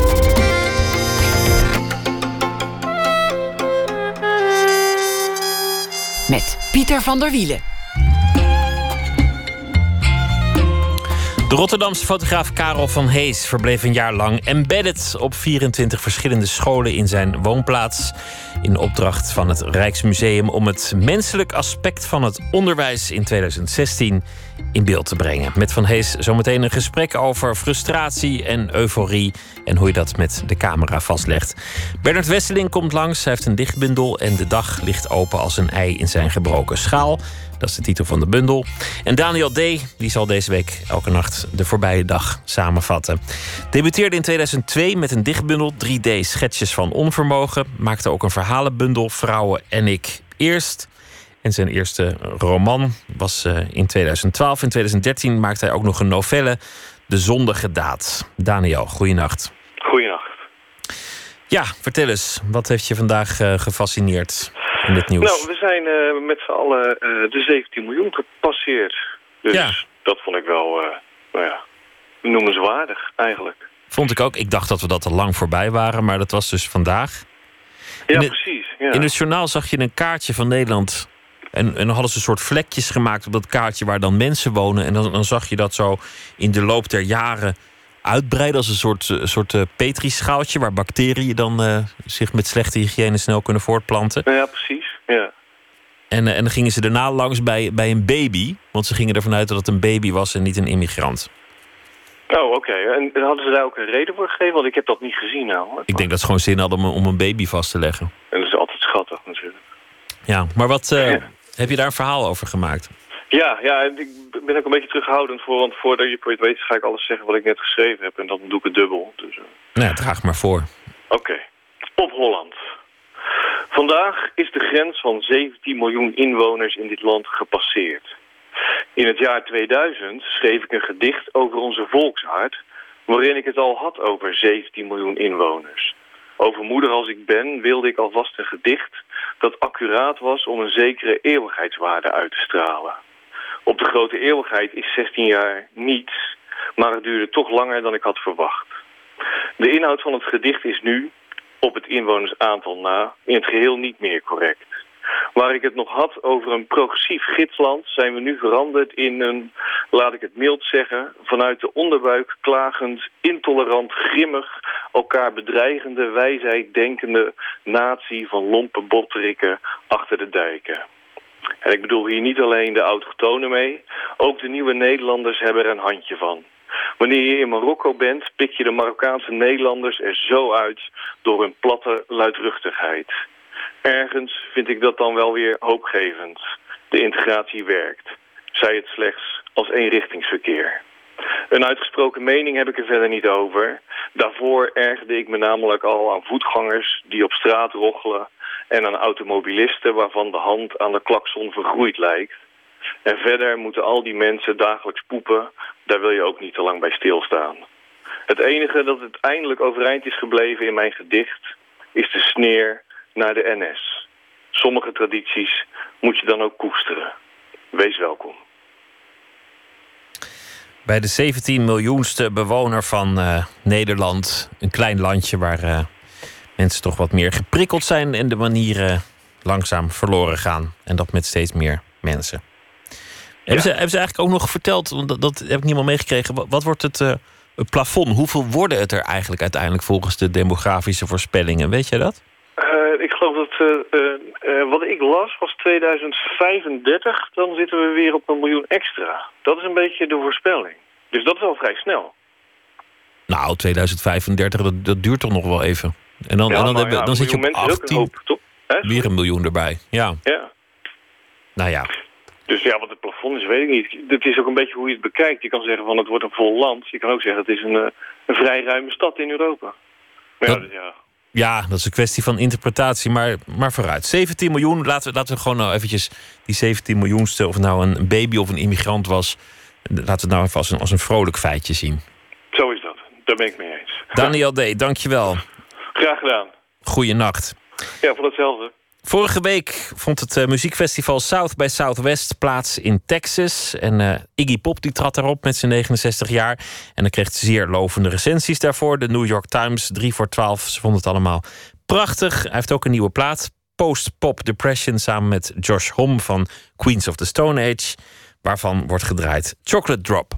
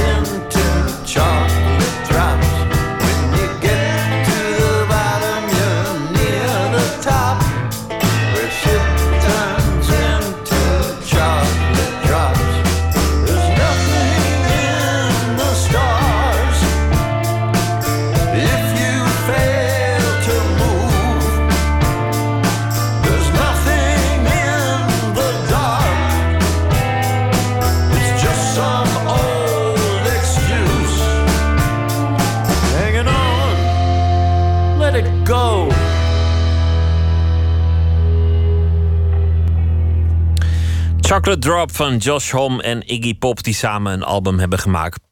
Post-Pop Depression. En 10 mei zullen ze in Amsterdam optreden in de Heineken Bierhal. Nooit meer.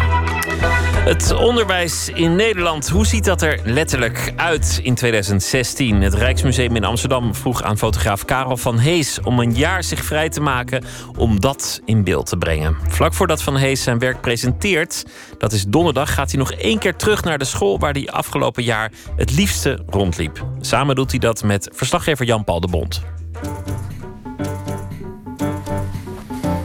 Nou ja, kijk, hier zitten we bijvoorbeeld bij. eh, hoe zullen we dit noemen? Computerlokaal. Computerlokaal, hè, waar gewoon eh 40 kids. eh, en trouwens, een hele mooie ruimte met een lange tafel. Het lijkt wel een eh, soort direction board room, hè? Met een lange tafel. Er zitten hier allemaal kids die zitten achter computers hun werkstukken te maken. Ja, kijk, ik vind het wel heel erg een, een 2016 beeld.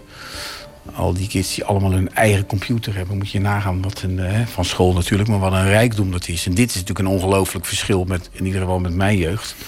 Ik weet niet of het ook eh, voor jouw jeugd geldt, maar ja, wij zaten vroeger toch achter de boeken. En, eh, en thuis keek ik naar Ivanhoe. En naar eh, Mies Bouwman. Maar dit is. kijk, die, die, die, die gasten die hier zitten, die hebben allemaal de, de wereld aan hun voeten. Want het is één klik op de muis. En ze zitten in, Spanje of in Afghanistan of whatever. Ze kunnen alles. Hè. Dus ja, dit is wel een foto geweest die ik zeker gemaakt zou hebben. En dan eh, eh, wel de breedte van dit. Waarmee ik bedoel van die schermen laten zien en al die verschillende mensen van alle kleuren. Het is heel kleurrijk, omdat ze, ze zitten kennelijk nu allemaal Ja. op eh, Google Ze zitten- ze afbeeldingen te zoeken. Precies, ja. Ze zijn ergens naar op zoek. Ik weet niet of ik waarschijnlijk achter zijn gestaan... of misschien wel vanuit een heel ander perspectief, juist schuin. En dan scherp, onscherp. Dat je in de onscherpte dat je ook nog twintig eh, kids ziet... Maar dat je wel de veelheid laat zien. Kijk, dit is onderwijs. Er staat geen leraar te zien. Ze zijn allemaal zelfredzaam. Zijn zelfstandig zijn ze bezig om dingen op te zoeken. En dit is heel erg nu. Heel erg nu. Ieder jaar organiseert het Rijksmuseum de tentoonstelling Document Nederland. Waarvoor een Nederlandse fotograaf wordt gevraagd om een actueel maatschappelijk onderwerp centraal te stellen. Ruim een jaar geleden belden ze daarvoor Karel van Hees. In eerste instantie is natuurlijk de euforie van dat je wordt gebeld door het Rijksmuseum. En dan een paar uur later, bij mij was volgens mij de volgende dag. Ik denk het onderwijs. Allemachtig, dat is veel. Dat is, en wat willen ze dan? Dat ik in mijn autootje heel Nederland... dat ik naar Oost-Friesland ga en Zuid-Limburg. En dan daar een dorpsschooltje en daar een universiteit en daar een mbo. Dat leek hem niet echt praktisch. Maar waarom niet gewoon kijken wat hij in zijn eigen Rotterdam kon vinden? Toch een wereldstad met veel verschillende culturen en alle mogelijke vormen van onderwijs voorhanden. Ja, ik heb ook nooit eh, nagestreefd om, om 100% volledig te willen zijn. Want dat lukt je toch niet. Dat kan helemaal niet, want je hebt het nu je hebt het geografisch ingeperkt. Maar dan nog. Dat is sowieso al... eh, ik denk dat er een hoop mensen zeggen... ja, het onderwijs in Nederland, hij is alleen in Rotterdam zitten. Maar goed, dat is een keuze. Maar alsnog zit je dan met een thema onderwijs wat zo breed is als, als ik weet niet wat. Ja. Ik heb wel momenten gehad dat ik hier mee bezig was. Ik denk, ja, hier schiet fotografie tekort. Want dit is, het is natuurlijk niet alleen kijken, maar het is ook heel veel eh, audio. Het is ook heel veel luisteren. En wat zeggen die mensen tegen elkaar? Hoe staat die leraar voor de klas? De fotografie schiet heel vaak tekort. Daarom heb ik ook af en toe een, een potlood papier gepakt, heb ik dingen opgeschreven en dat onderdeel laten zijn van de tentoonstelling. Eh, maar goed, het is een fotografieopdracht. Ze willen foto's, het is een tentoonstelling. En wat ze letterlijk wilden is een doos, dadelijk, waar 50, 60, 70 foto's in zitten. En misschien willen ze wel in 2088 is er op een gegeven moment een jaar van het onderwijs die zegt... hé, hey, we hebben in 2016 hebben we een fotograaf op pad gestuurd. Dat kunnen we dan mooi laten zien. Nou, dat is onder andere de rol van het Rijksmuseum. 24 verschillende scholen bezocht Van Hees. Van de Peuterspeelzaal tot Erasmus Universiteit. Meest dankbare waren de middelbare scholen. Juist vanwege die overgang van jong naar volwassen en de energie die er hangt. Zijn favoriet? Scholengemeenschap Hugo de Groot. Nou, wat ik hier heb willen doen, in deze, letterlijk in deze ruimte ook... eh, is om die, die, die kleurrijkheid te laten zien. En de, en de verschillen in leeftijd, maar ook de hoeveelheid kids die op zijn school zitten. En natuurlijk, als je daarmee bezig bent, dan zie je ook wel weer in je ooghoeken wel weer een paar jonge mensen rondlopen waarvan je denkt, nou, dan zou ik ook wel, die zou ik ook wel wat closer willen fotograferen. Maar leg me dat eens uit. Wie jou nou in je ooghoeken opvallen? Dat je denkt, ja, die, jou zou ik eruit pikken. Nou, er staat daar een jongen met een, eh, met een eh, lichte blauwe trui met Adidas erop. Nou, dan heeft die jongen eh, eh, heel duidelijk aandacht besteed aan zijn haar. Dus er zit lekker gel in. En hij heeft tegelijkertijd ook een soort intellectueel brilletje op. Het is denk ik een Marokkaanse jongen. Hij heeft een hele vrolijke kop. Die een enorme energie uitstraalt. Dan heeft hij een rugzakje waar Björn Björg op staat. Ik weet niet, ik zou hem denk ik vragen om die rugzak even af te leggen. En dat ik zou ik hem heel eenvoudig bijna pasfoto achter een foto van hem maken. Dus echt recht toe recht aan. Om die, die vrolijkheid en die energie en die kleuren. Dat zwarte haar, die bruine huid en dat blauwe van die trui om dat uit te laten komen. Nou, dan heb je in wezen, als je dat lukt, heb je in 10 seconden tijd heb je wel een wereldburger te pakken. Een Rotterdamse wereldburger, want daar zit het hier vol mee. Dat is ook zo tof van deze stad. Er wonen hier 176 culturen en Rotterdam is echt, gewoon wat dat betreft, een, eh, een, een, een, een nieuwe orde, een nieuwe wereld. En dat maakt het heel erg... Kijk, hier komt hij aan. Is toch een mooie vent? Hallo. Hallo.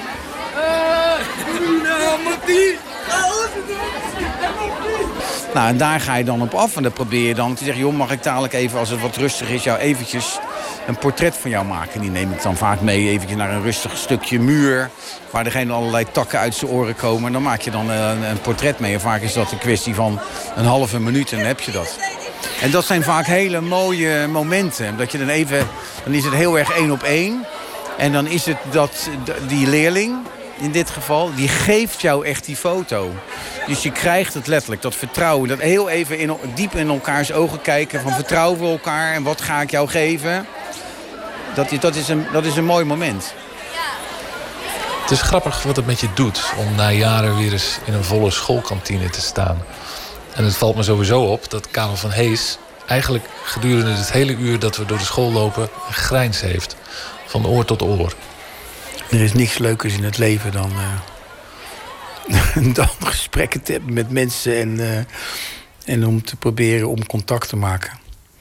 En mijn werk, die fotografie, die verschaft mij een, een legitieme reden om gewoon in iemands leven te, te mogen duiken. Weet je wel, ik ben natuurlijk ook een ongelooflijke nieuwsgierige voyeur die gewoon op, eh, op oudere leeftijd gewoon nog in het leven duikt. In dit geval van al die leerlingen. Wat heb ik hier te zoeken? Nou ja, ik ben fotograaf en ik heb een camera en ik heb een opdracht van het Rijksmuseum, dus ik mag. Weet je wel?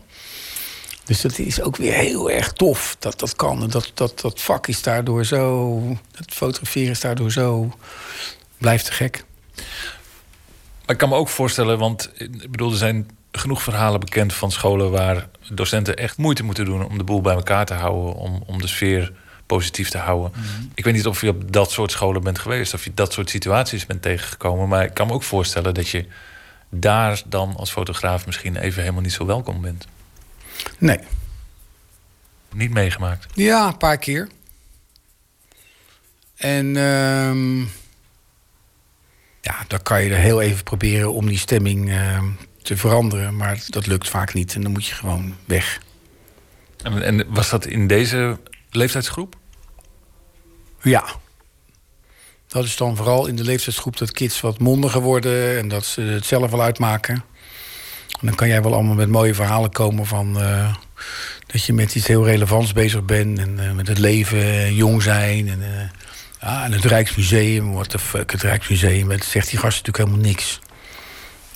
Nee, niet weg, wegwezen, opzouten. Nou, opzouten dus.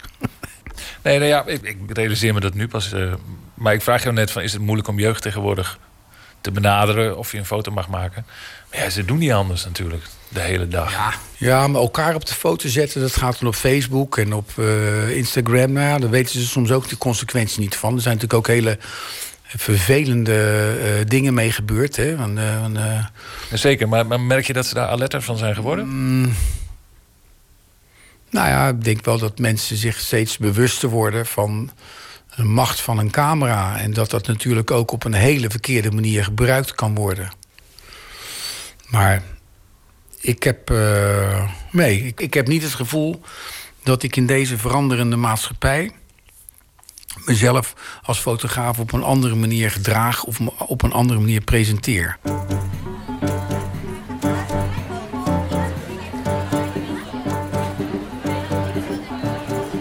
Uiteindelijk is het wel, denk ik, visueel wel een positief verhaal geworden.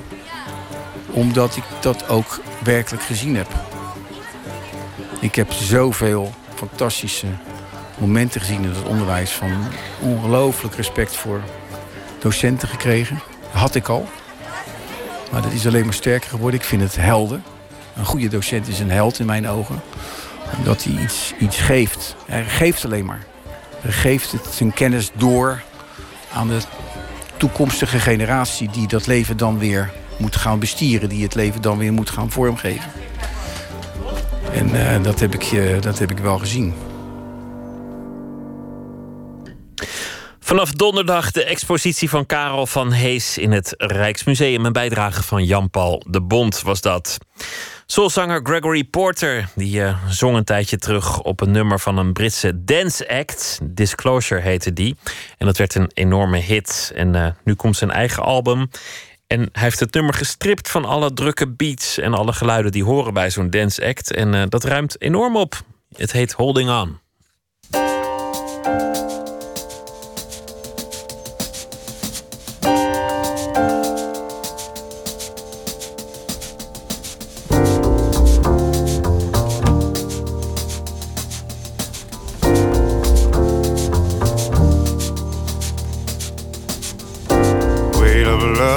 My shoulders.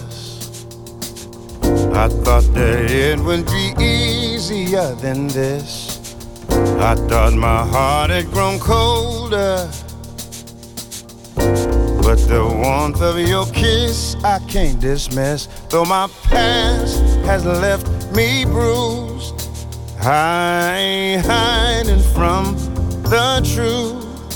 When the truth won't let me lie right next to you. But it's holding on and it's holding strong. Even though I tried to make it, played the part, but I can't fake it. It keeps holding on and it's holding strong. Even though I tried to break it, heaven knows that I can't shake it. Oh. Holding on, holding on, holding on, holding on. I've seen times that were harder.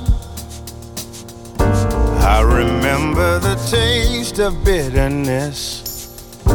Won't you help me, my father? Help me fall in the love that I have missed. Though my past has left me bruised, I ain't hiding from the truth. When the truth won't let me lie right next to you. but it's holding on and it's holding strong. Even though I tried to make it, play the part, but I can't fake it. It keeps holding on and it's holding strong. Even though I tried to break it, heaven knows that I can't shake it. Whoa.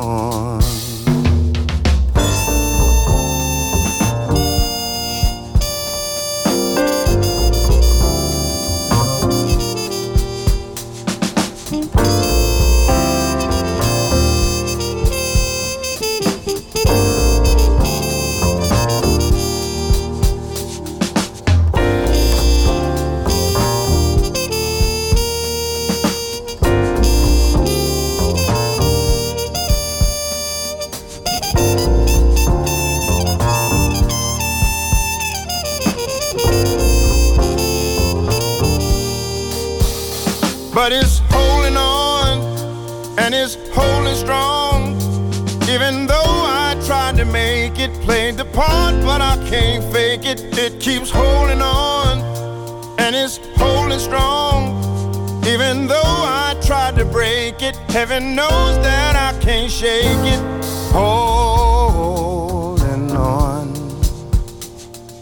holding on. It keeps holding on. It keeps holding on. It keeps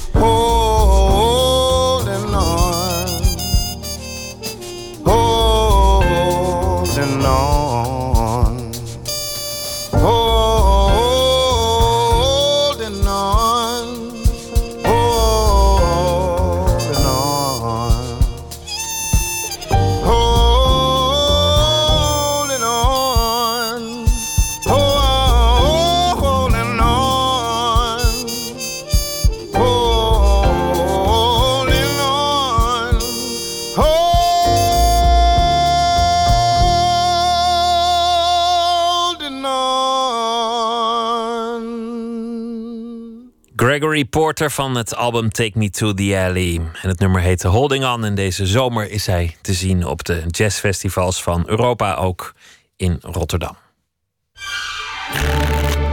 Open kaart. Een grote bak met vragen. Op elke kaart staat een vraag. 150 vragen in totaal. En Bernard Wesseling die is eh, te gast. Morgen is de presentatie van zijn nieuwe dichtbundel. De dag ligt open als een ei in zijn gebroken schaal. Een prachtige titel. Wil je iets voordragen uit je nieuwe bundel? Ja, meteen het diepe in. Ja, is goed. Doen we. Dan weten we gewoon meteen waar het over gaat. Ja, en het spreekt voor zich. Even kijken hoor. Ik heb er drie bij me. Oh, dan moet je nog kiezen ook. Ja. Een paar met de hand geschreven en, en een paar... Ja. Zijn, zijn die handgeschreven dan ook de originele toen je, toen je ze voor het eerst kreeg? Want je, of heb je er heel erg aan geschaafd? Nee, dat was op het moment dat ik, eh, dat ik eh, ruzie kreeg met mijn computer. En dan vertrouw ik alleen nog maar op mijn eigen schrijftalent. en ik heb best wel een duidelijk handschrift. Jij zou het volgens mij ook nog kunnen lezen. Mag ik eens kijken dat kan lezen? Wat zegt dat over iemand een duidelijk hand? Oh, je hebt zo'n prachtig handschrift. Dank je. Je handschrift is veel te oud, vissen te oud voor jouzelf. Goed, le- lees er een gedicht voor als je wil. Oké. Het gedicht heet Kapperblues. Een Marokkaanse jongen met bontkraag, boos om zijn eigen verlegenheid, trekt zijn even broeierige vriendinnetje mee de tram in. Een ontsnapte oude vandaag, toonbeeld van rust, uitgehold door kopzorgen, strooit met een pauselijk gebaar een tijgerwit uit tussen de duiven voor zijn bank. Als ik een privé opensla bij de kapper. Dat het voormalige kindsterretje is begonnen zichzelf uit te mergelen, heet het wellustig. Je mag hierin, meer dan mooi moeten wezen, een stil protest lezen. Overbelichting dreigt het zieltje uit te drijven. Hoe ik het gedacht had, korter van boven, opgeschoren aan de zijkanten, niet te dicht op de huid. Ik heb haar achtergelaten toen, einde seizoen, in die mijnschacht of wensput. De hond was al hulp halen en na de zomer vond ik mezelf te oud voor die onzin. Even later stap ik de deur uit, het belletje scheldt me na. Een toekomst tegemoet die zich maar niet openbaart als hersteld verleden. Aan niemand. Maar als ik de hoek om ben met mijn nieuwe koep, wacht daar een wolkbreuk als de zoom van een droom. Bij de kapper. En daar lezen de mensen de bladen. En dat is je mooie kapsel klaar. En dan gaat het regenen. Laten we meteen beginnen. Hier is de, de bak met kaarten. Wil je er een eh, ja. trekken? En dan ben ik benieuwd welke vraag daarop staat. Het zijn er 150, hè? 150. Ja, ik heb ze niet geteld, maar dat schijnt. Moet ik, ik lees hem eh, op. Als je wil. Ben je vatbaar voor verslavingen? Oh mijn god. Dat is mijn, ja. dat is mijn geluk dat ik die trek. Vertel eens. absoluut. welke, welke verslaving heb je tot nu toe allemaal gehad? Gehad. Of, of ben ik op dit zit moment je nog middenin? Of, maar zijn al de revue gepasseerd? Nou, ik worstel wel met de drank, moet ik eerlijk zeggen. Ik zit hier, het eerste wat ik eh, hier ook vroeg was een biertje. Ehm, Maar goed, nu, Ja. is, het, nu is het laat. Hoe, hoe laat. hoe laat neem je normaal je eerste biertje? nou, ik ben niet zozeer eh, van eh, de hele tijd drinken. Maar als ik drink, dan is het ook meteen explosief. Dus, Dus dan, alles of eh, niets? Ja. Geen En glaasje eh, wijn bij het eten, maar gewoon meteen hop los. Ja, ik ben niet van het eh, nippen of proeven. Het, ja, ik ga dan echt voor goud. En drugs? Drugs, dat heb ik een paar keer geprobeerd. Dat liep eigenlijk allemaal een heel slecht af. Omdat, ik herinner me de eerste keer... was ecstasy in, op zo'n verschrikkelijk festival. Dat is eigenlijk ook iets eh, waar ik helemaal niet eh, naartoe moet. En dat was eh, ja, zo confronterend. Terwijl mijn, de mensen om mij heen de grootst mogelijke lol hadden... Was ik, werd ik gewoon geconfronteerd met, met allerlei demonen en... Angsten. Angsten. Paniekaanvallen. Diepe- ja, paniekaanval. Dus dat is de eerste keer dat ik een paniekaanval... Wel veel van geleerd. maar als je me op dat moment had gevraagd of ik, het, eh, of ik eh, de les zou inruilen voor eh, hè, gewoon mijn gezonde verstand terug, dan had ik meteen had ik niet geaarzeld. In je nieuwe bundel gaat ook één gedicht over een paniekaanval. Het, het thema komt af en toe terug. Eigenlijk zeg je daarmee dat, je, dat jij maar beter geen drugs kunt gebruiken... Om, omdat je psychische gesteldheid misschien dat net niet aan kan. Dat je niet van nature te stabiel bent. Ja, dat is, dat is eh, precies wat ik eigenlijk eh, wil zeggen. Ja. Want dat weet je pas op het moment dat je erin kukelt. En eh, dat was dus een, een harde les voor mij.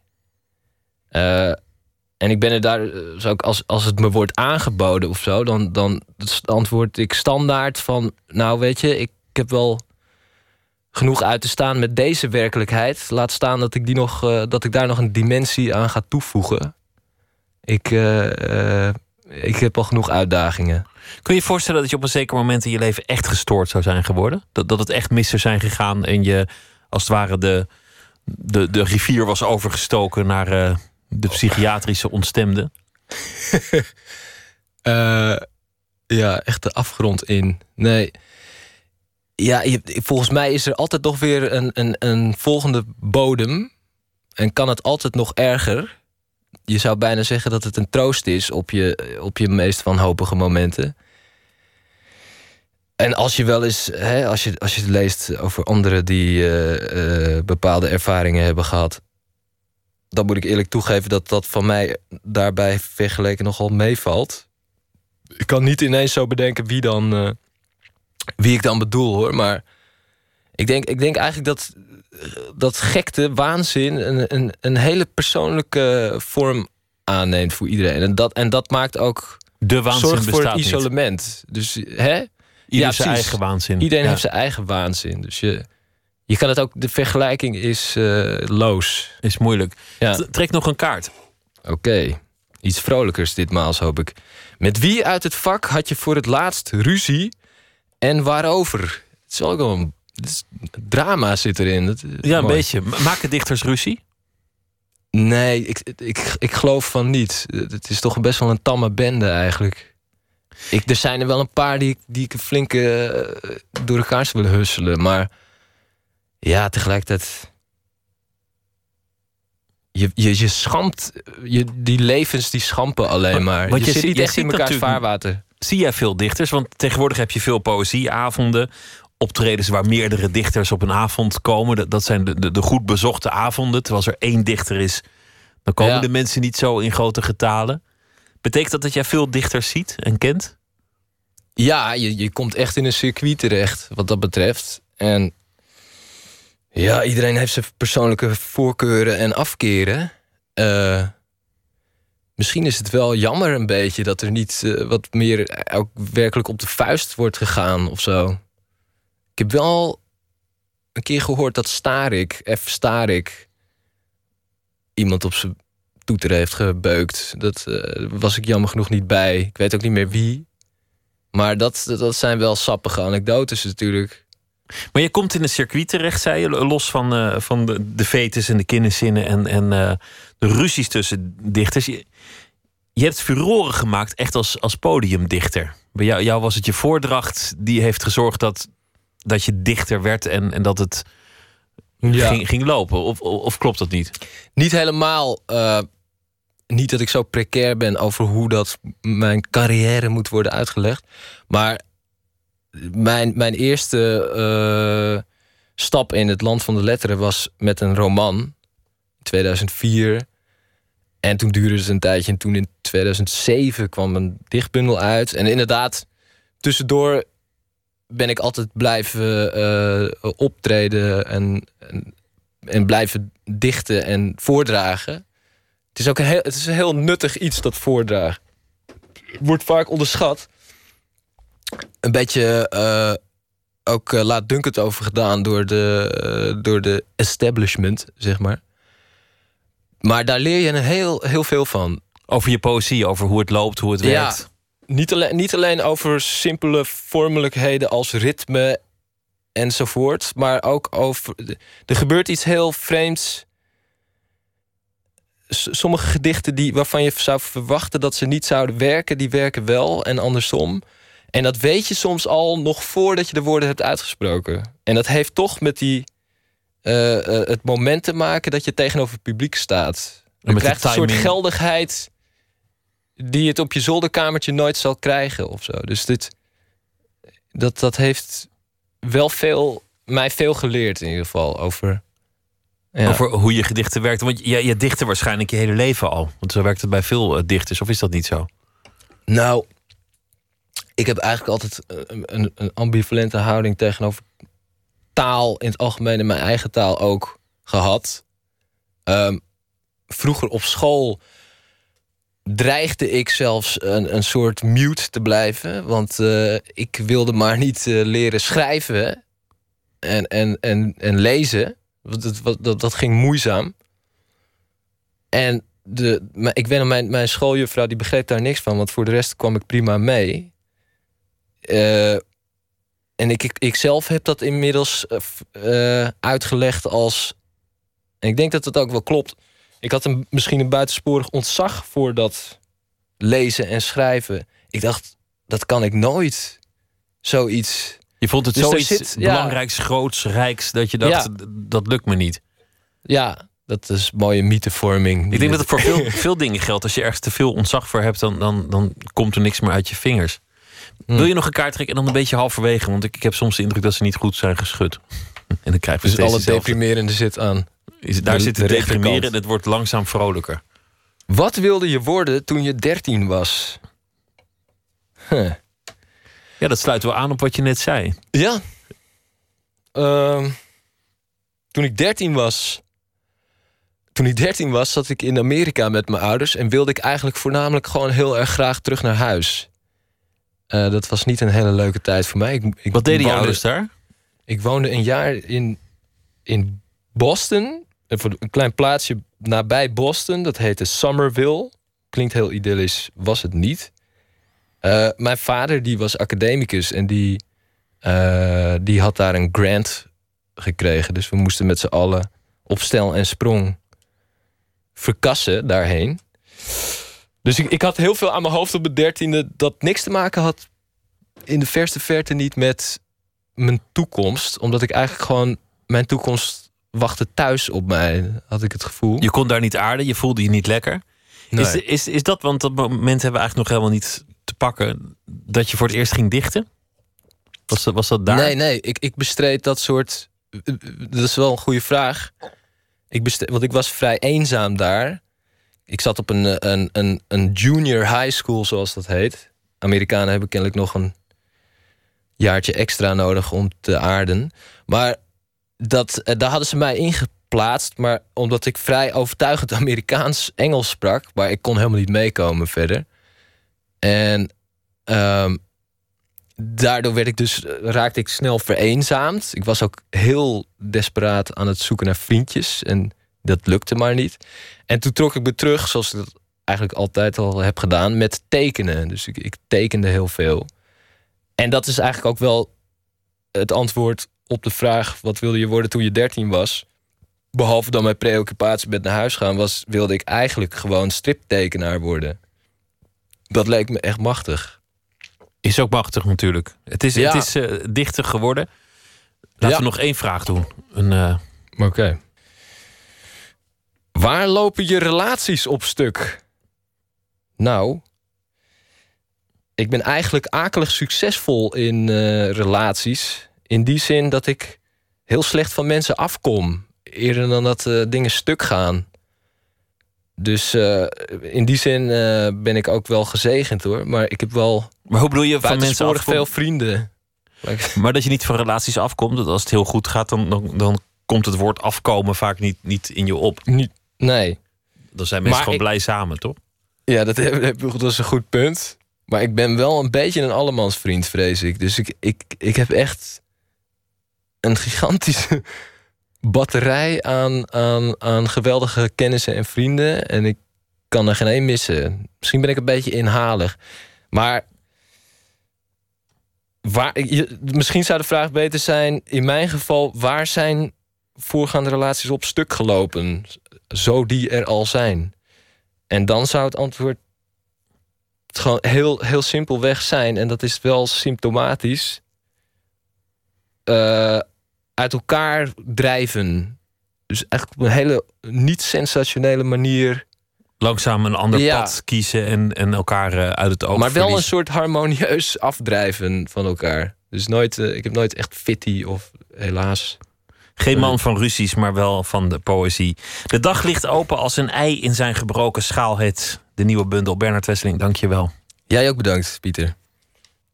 The Narrows, de titel van de nieuwe plaat van de Amerikaanse singer-songwriter Grant Lee Phillips. Op die plaat is goed te horen dat hij na een leven lang in Californië onlangs is verhuisd naar Nashville, mekka van de countrymuziek. Luister naar een van de stukken, Moccasin Creek.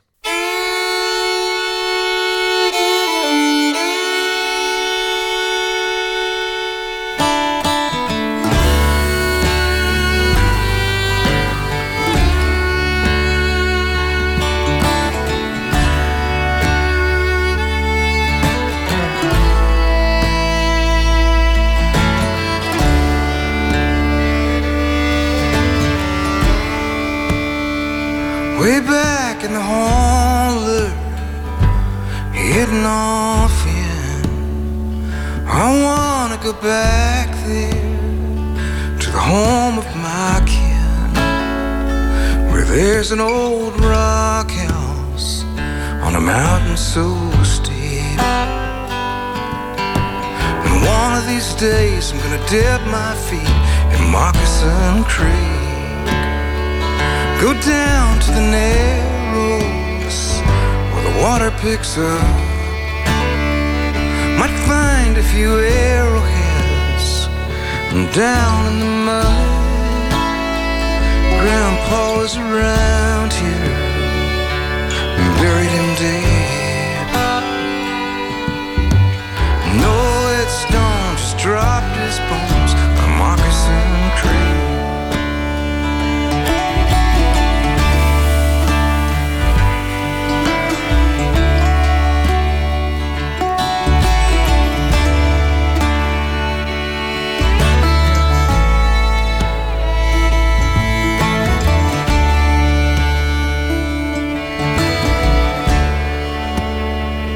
Way back in the Ozarks, off in the hills.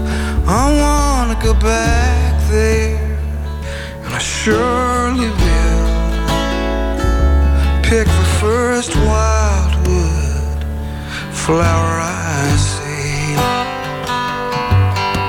And one of these days, I'm gonna dip my feet in Moccasin Creek.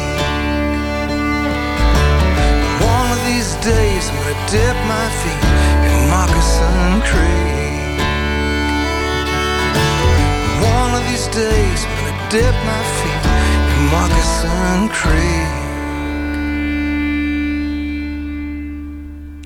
Moccasin Creek van Grant Lee Phillips was dat. Nooit meer slapen. Vandaag was Kate Anderson Brower in Nederland. De schrijfster van het boek The Residence. Een boek waarin ze 50 medewerkers en oud-medewerkers van het Amerikaanse Witte Huis interviewt. Het boek is vertaald en vandaar die eh, lezing en interview in Amsterdam met de schrijfster. Dagcorrespondent Botte Jellema was aanwezig. Botte. Verhalen van oud-medewerkers en medewerkers uit Ja. het Witte Huis. Hoe smeuig werd het? Ja, nou, best wel smeuig hoor. Maar het was meer dan dat alleen.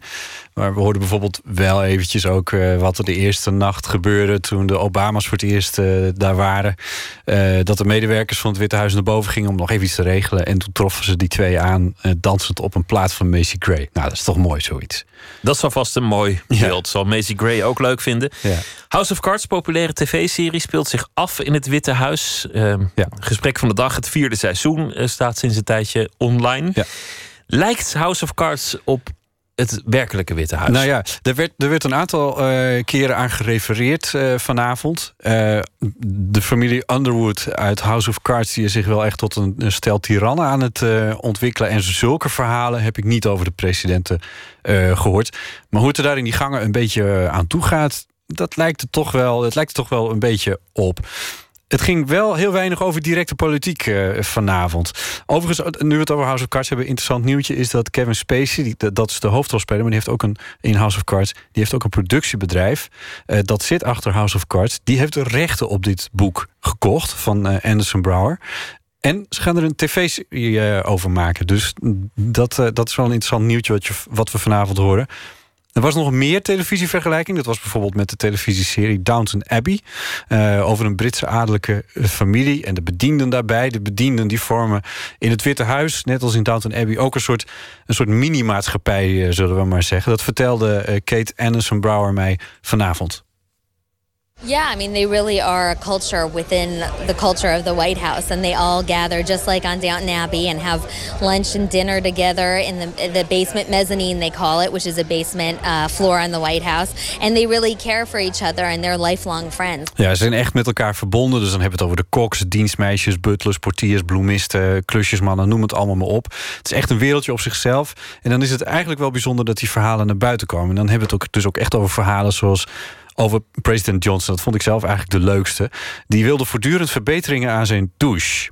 Die daar schijnt echt vijf jaar aan te zijn gewerkt. Het heeft echt tienduizenden dollars gekost. Leidingen zijn vervangen door het hele Witte Huis. Er zijn vier pompen geïnstalleerd. En die pompten zoveel water naar die douche... dat in de rest van het, water, van het Witte Huis de waterdruk zo ongeveer wegviel. En eh, hij wilde gewoon... Steeds moest dat maar beter worden en beter worden en beter worden.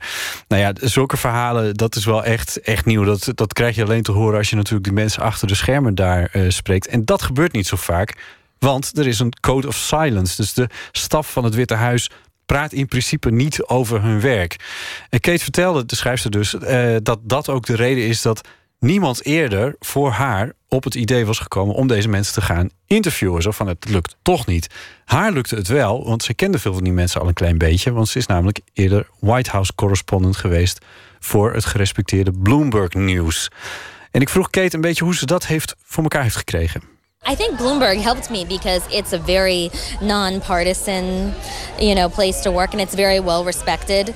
Um, so they knew that I wasn't out just digging for dirt. And a lot of them, you know, I befriended them, and I would talk off the record to them first, and then go back to them and see if I could put what they said on the record, and they would tweak it a little bit um, if they felt like they needed to. But it was really, I mean, there were several times where the phone was hung up on me, and I didn't talk to somebody. Ja, het heeft wel geholpen dat ze van Bloomberg was, maar even vaak werd de telefoon er ook op gesmeten. Ja, ze heeft echt twee jaar moeten werken om eh, het vertrouwen te winnen van deze mensen. De voorzitter van het John Adams Institute, dat, dat organiseerde deze bijeenkomst eh, vanavond, dat is hoogleraar en Amerika-deskundige Rut Oldenziel.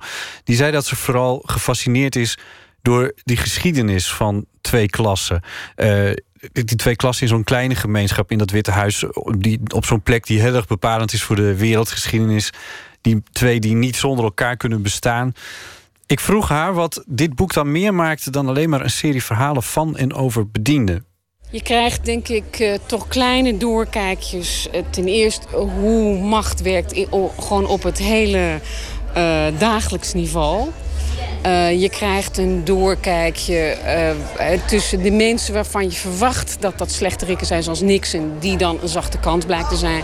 En je krijgt ook een bevestiging van wat we weten over de Clintons, dat ze het moeilijk hebben met het bedienend personeel. En dan de Obama's, die natuurlijk een historische plek hebben in de Amerikaanse geschiedenis.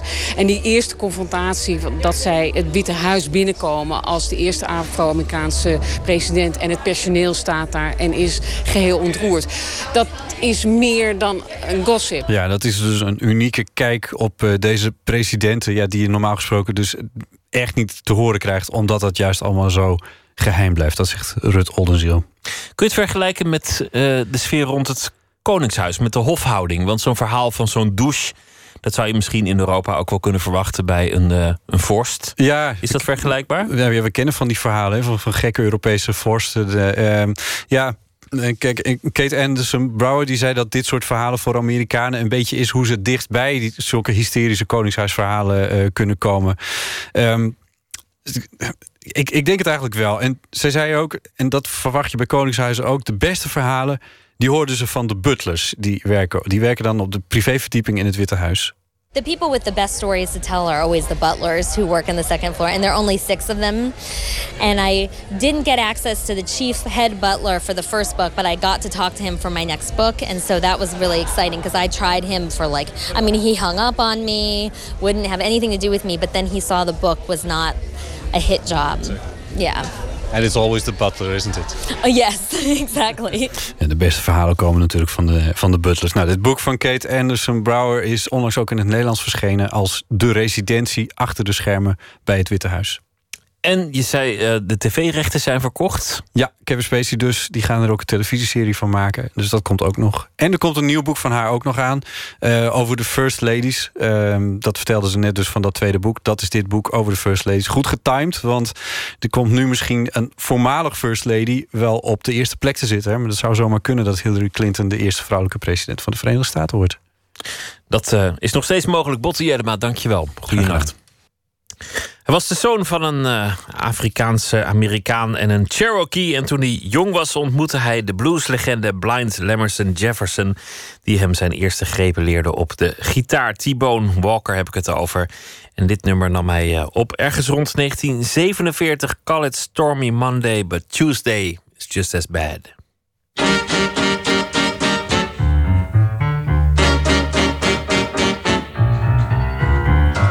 They call it stormy Monday, but Tuesday's just as bad.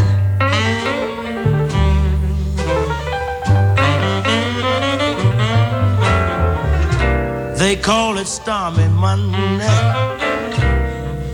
but Tuesday's just as bad.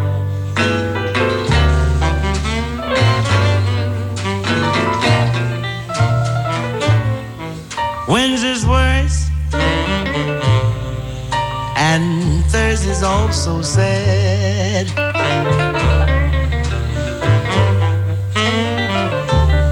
Yes, the eagle flies on Friday, and Saturday I go out to play.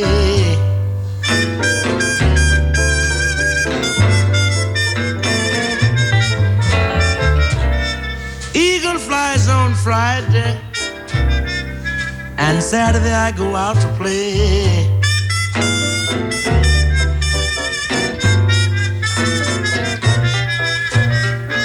Sunday I go to church, then I kneel down and pray.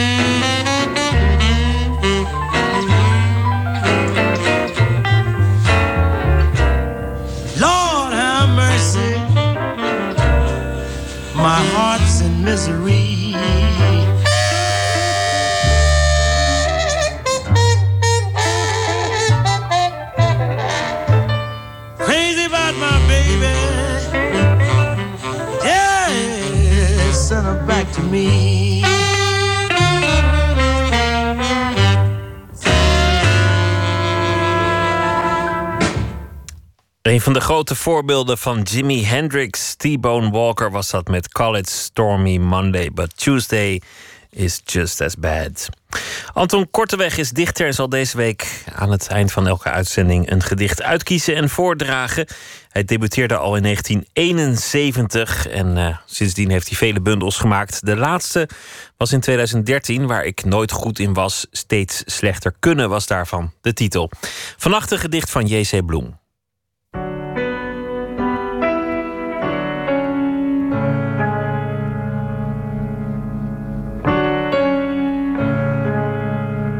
J.C. Bloem is altijd mijn favoriete dichter geweest. Ik denk van mijn puberteit af. En ik lees zijn gedicht Aanvaarding. Het is uit een heel klein bundeltje van maar negen gedichten. Sintels uit 1945. Eh, en Aanvaarding is misschien niet een van zijn bekendste gedichten... zoals De Nachtegalen of De Dapperstraat of Dichterschap. Maar het is wel een gedicht dat mij, naarmate ik ouder word, steeds meer uit het hart gegrepen is. Aanvaarding. Toen ik jong was, bestond ik in vormen van het leven dat komen zou. Een vervoerend de wereld doorstormen, een lied en een eindelijke vrouw. Het is bij dromen gebleven. Ik heb wat een ander ontsteelt aan het immer weer barstige leven slechts als mogelijkheden verbeeld. Want ik wist door een keuze verloren ieder ander verlokkend bestaan. Ik heb dan ook niets verkoren, maar het leven is voortgegaan. En het eind dat ik wilde ontvluchten is de aanvang gelijk die het had. Onder Hollandse regenluchten in een kleine Hollandse stad. Ingelijfd bij de bedaarde wordt het hart dat geen tegenstand bood.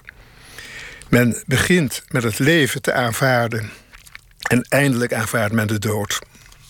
Al dus Anton Korteweg, dit was Nooit meer slapen en graag weer tot morgen. Goeienacht. Op Radio 1, het nieuws van alle kanten.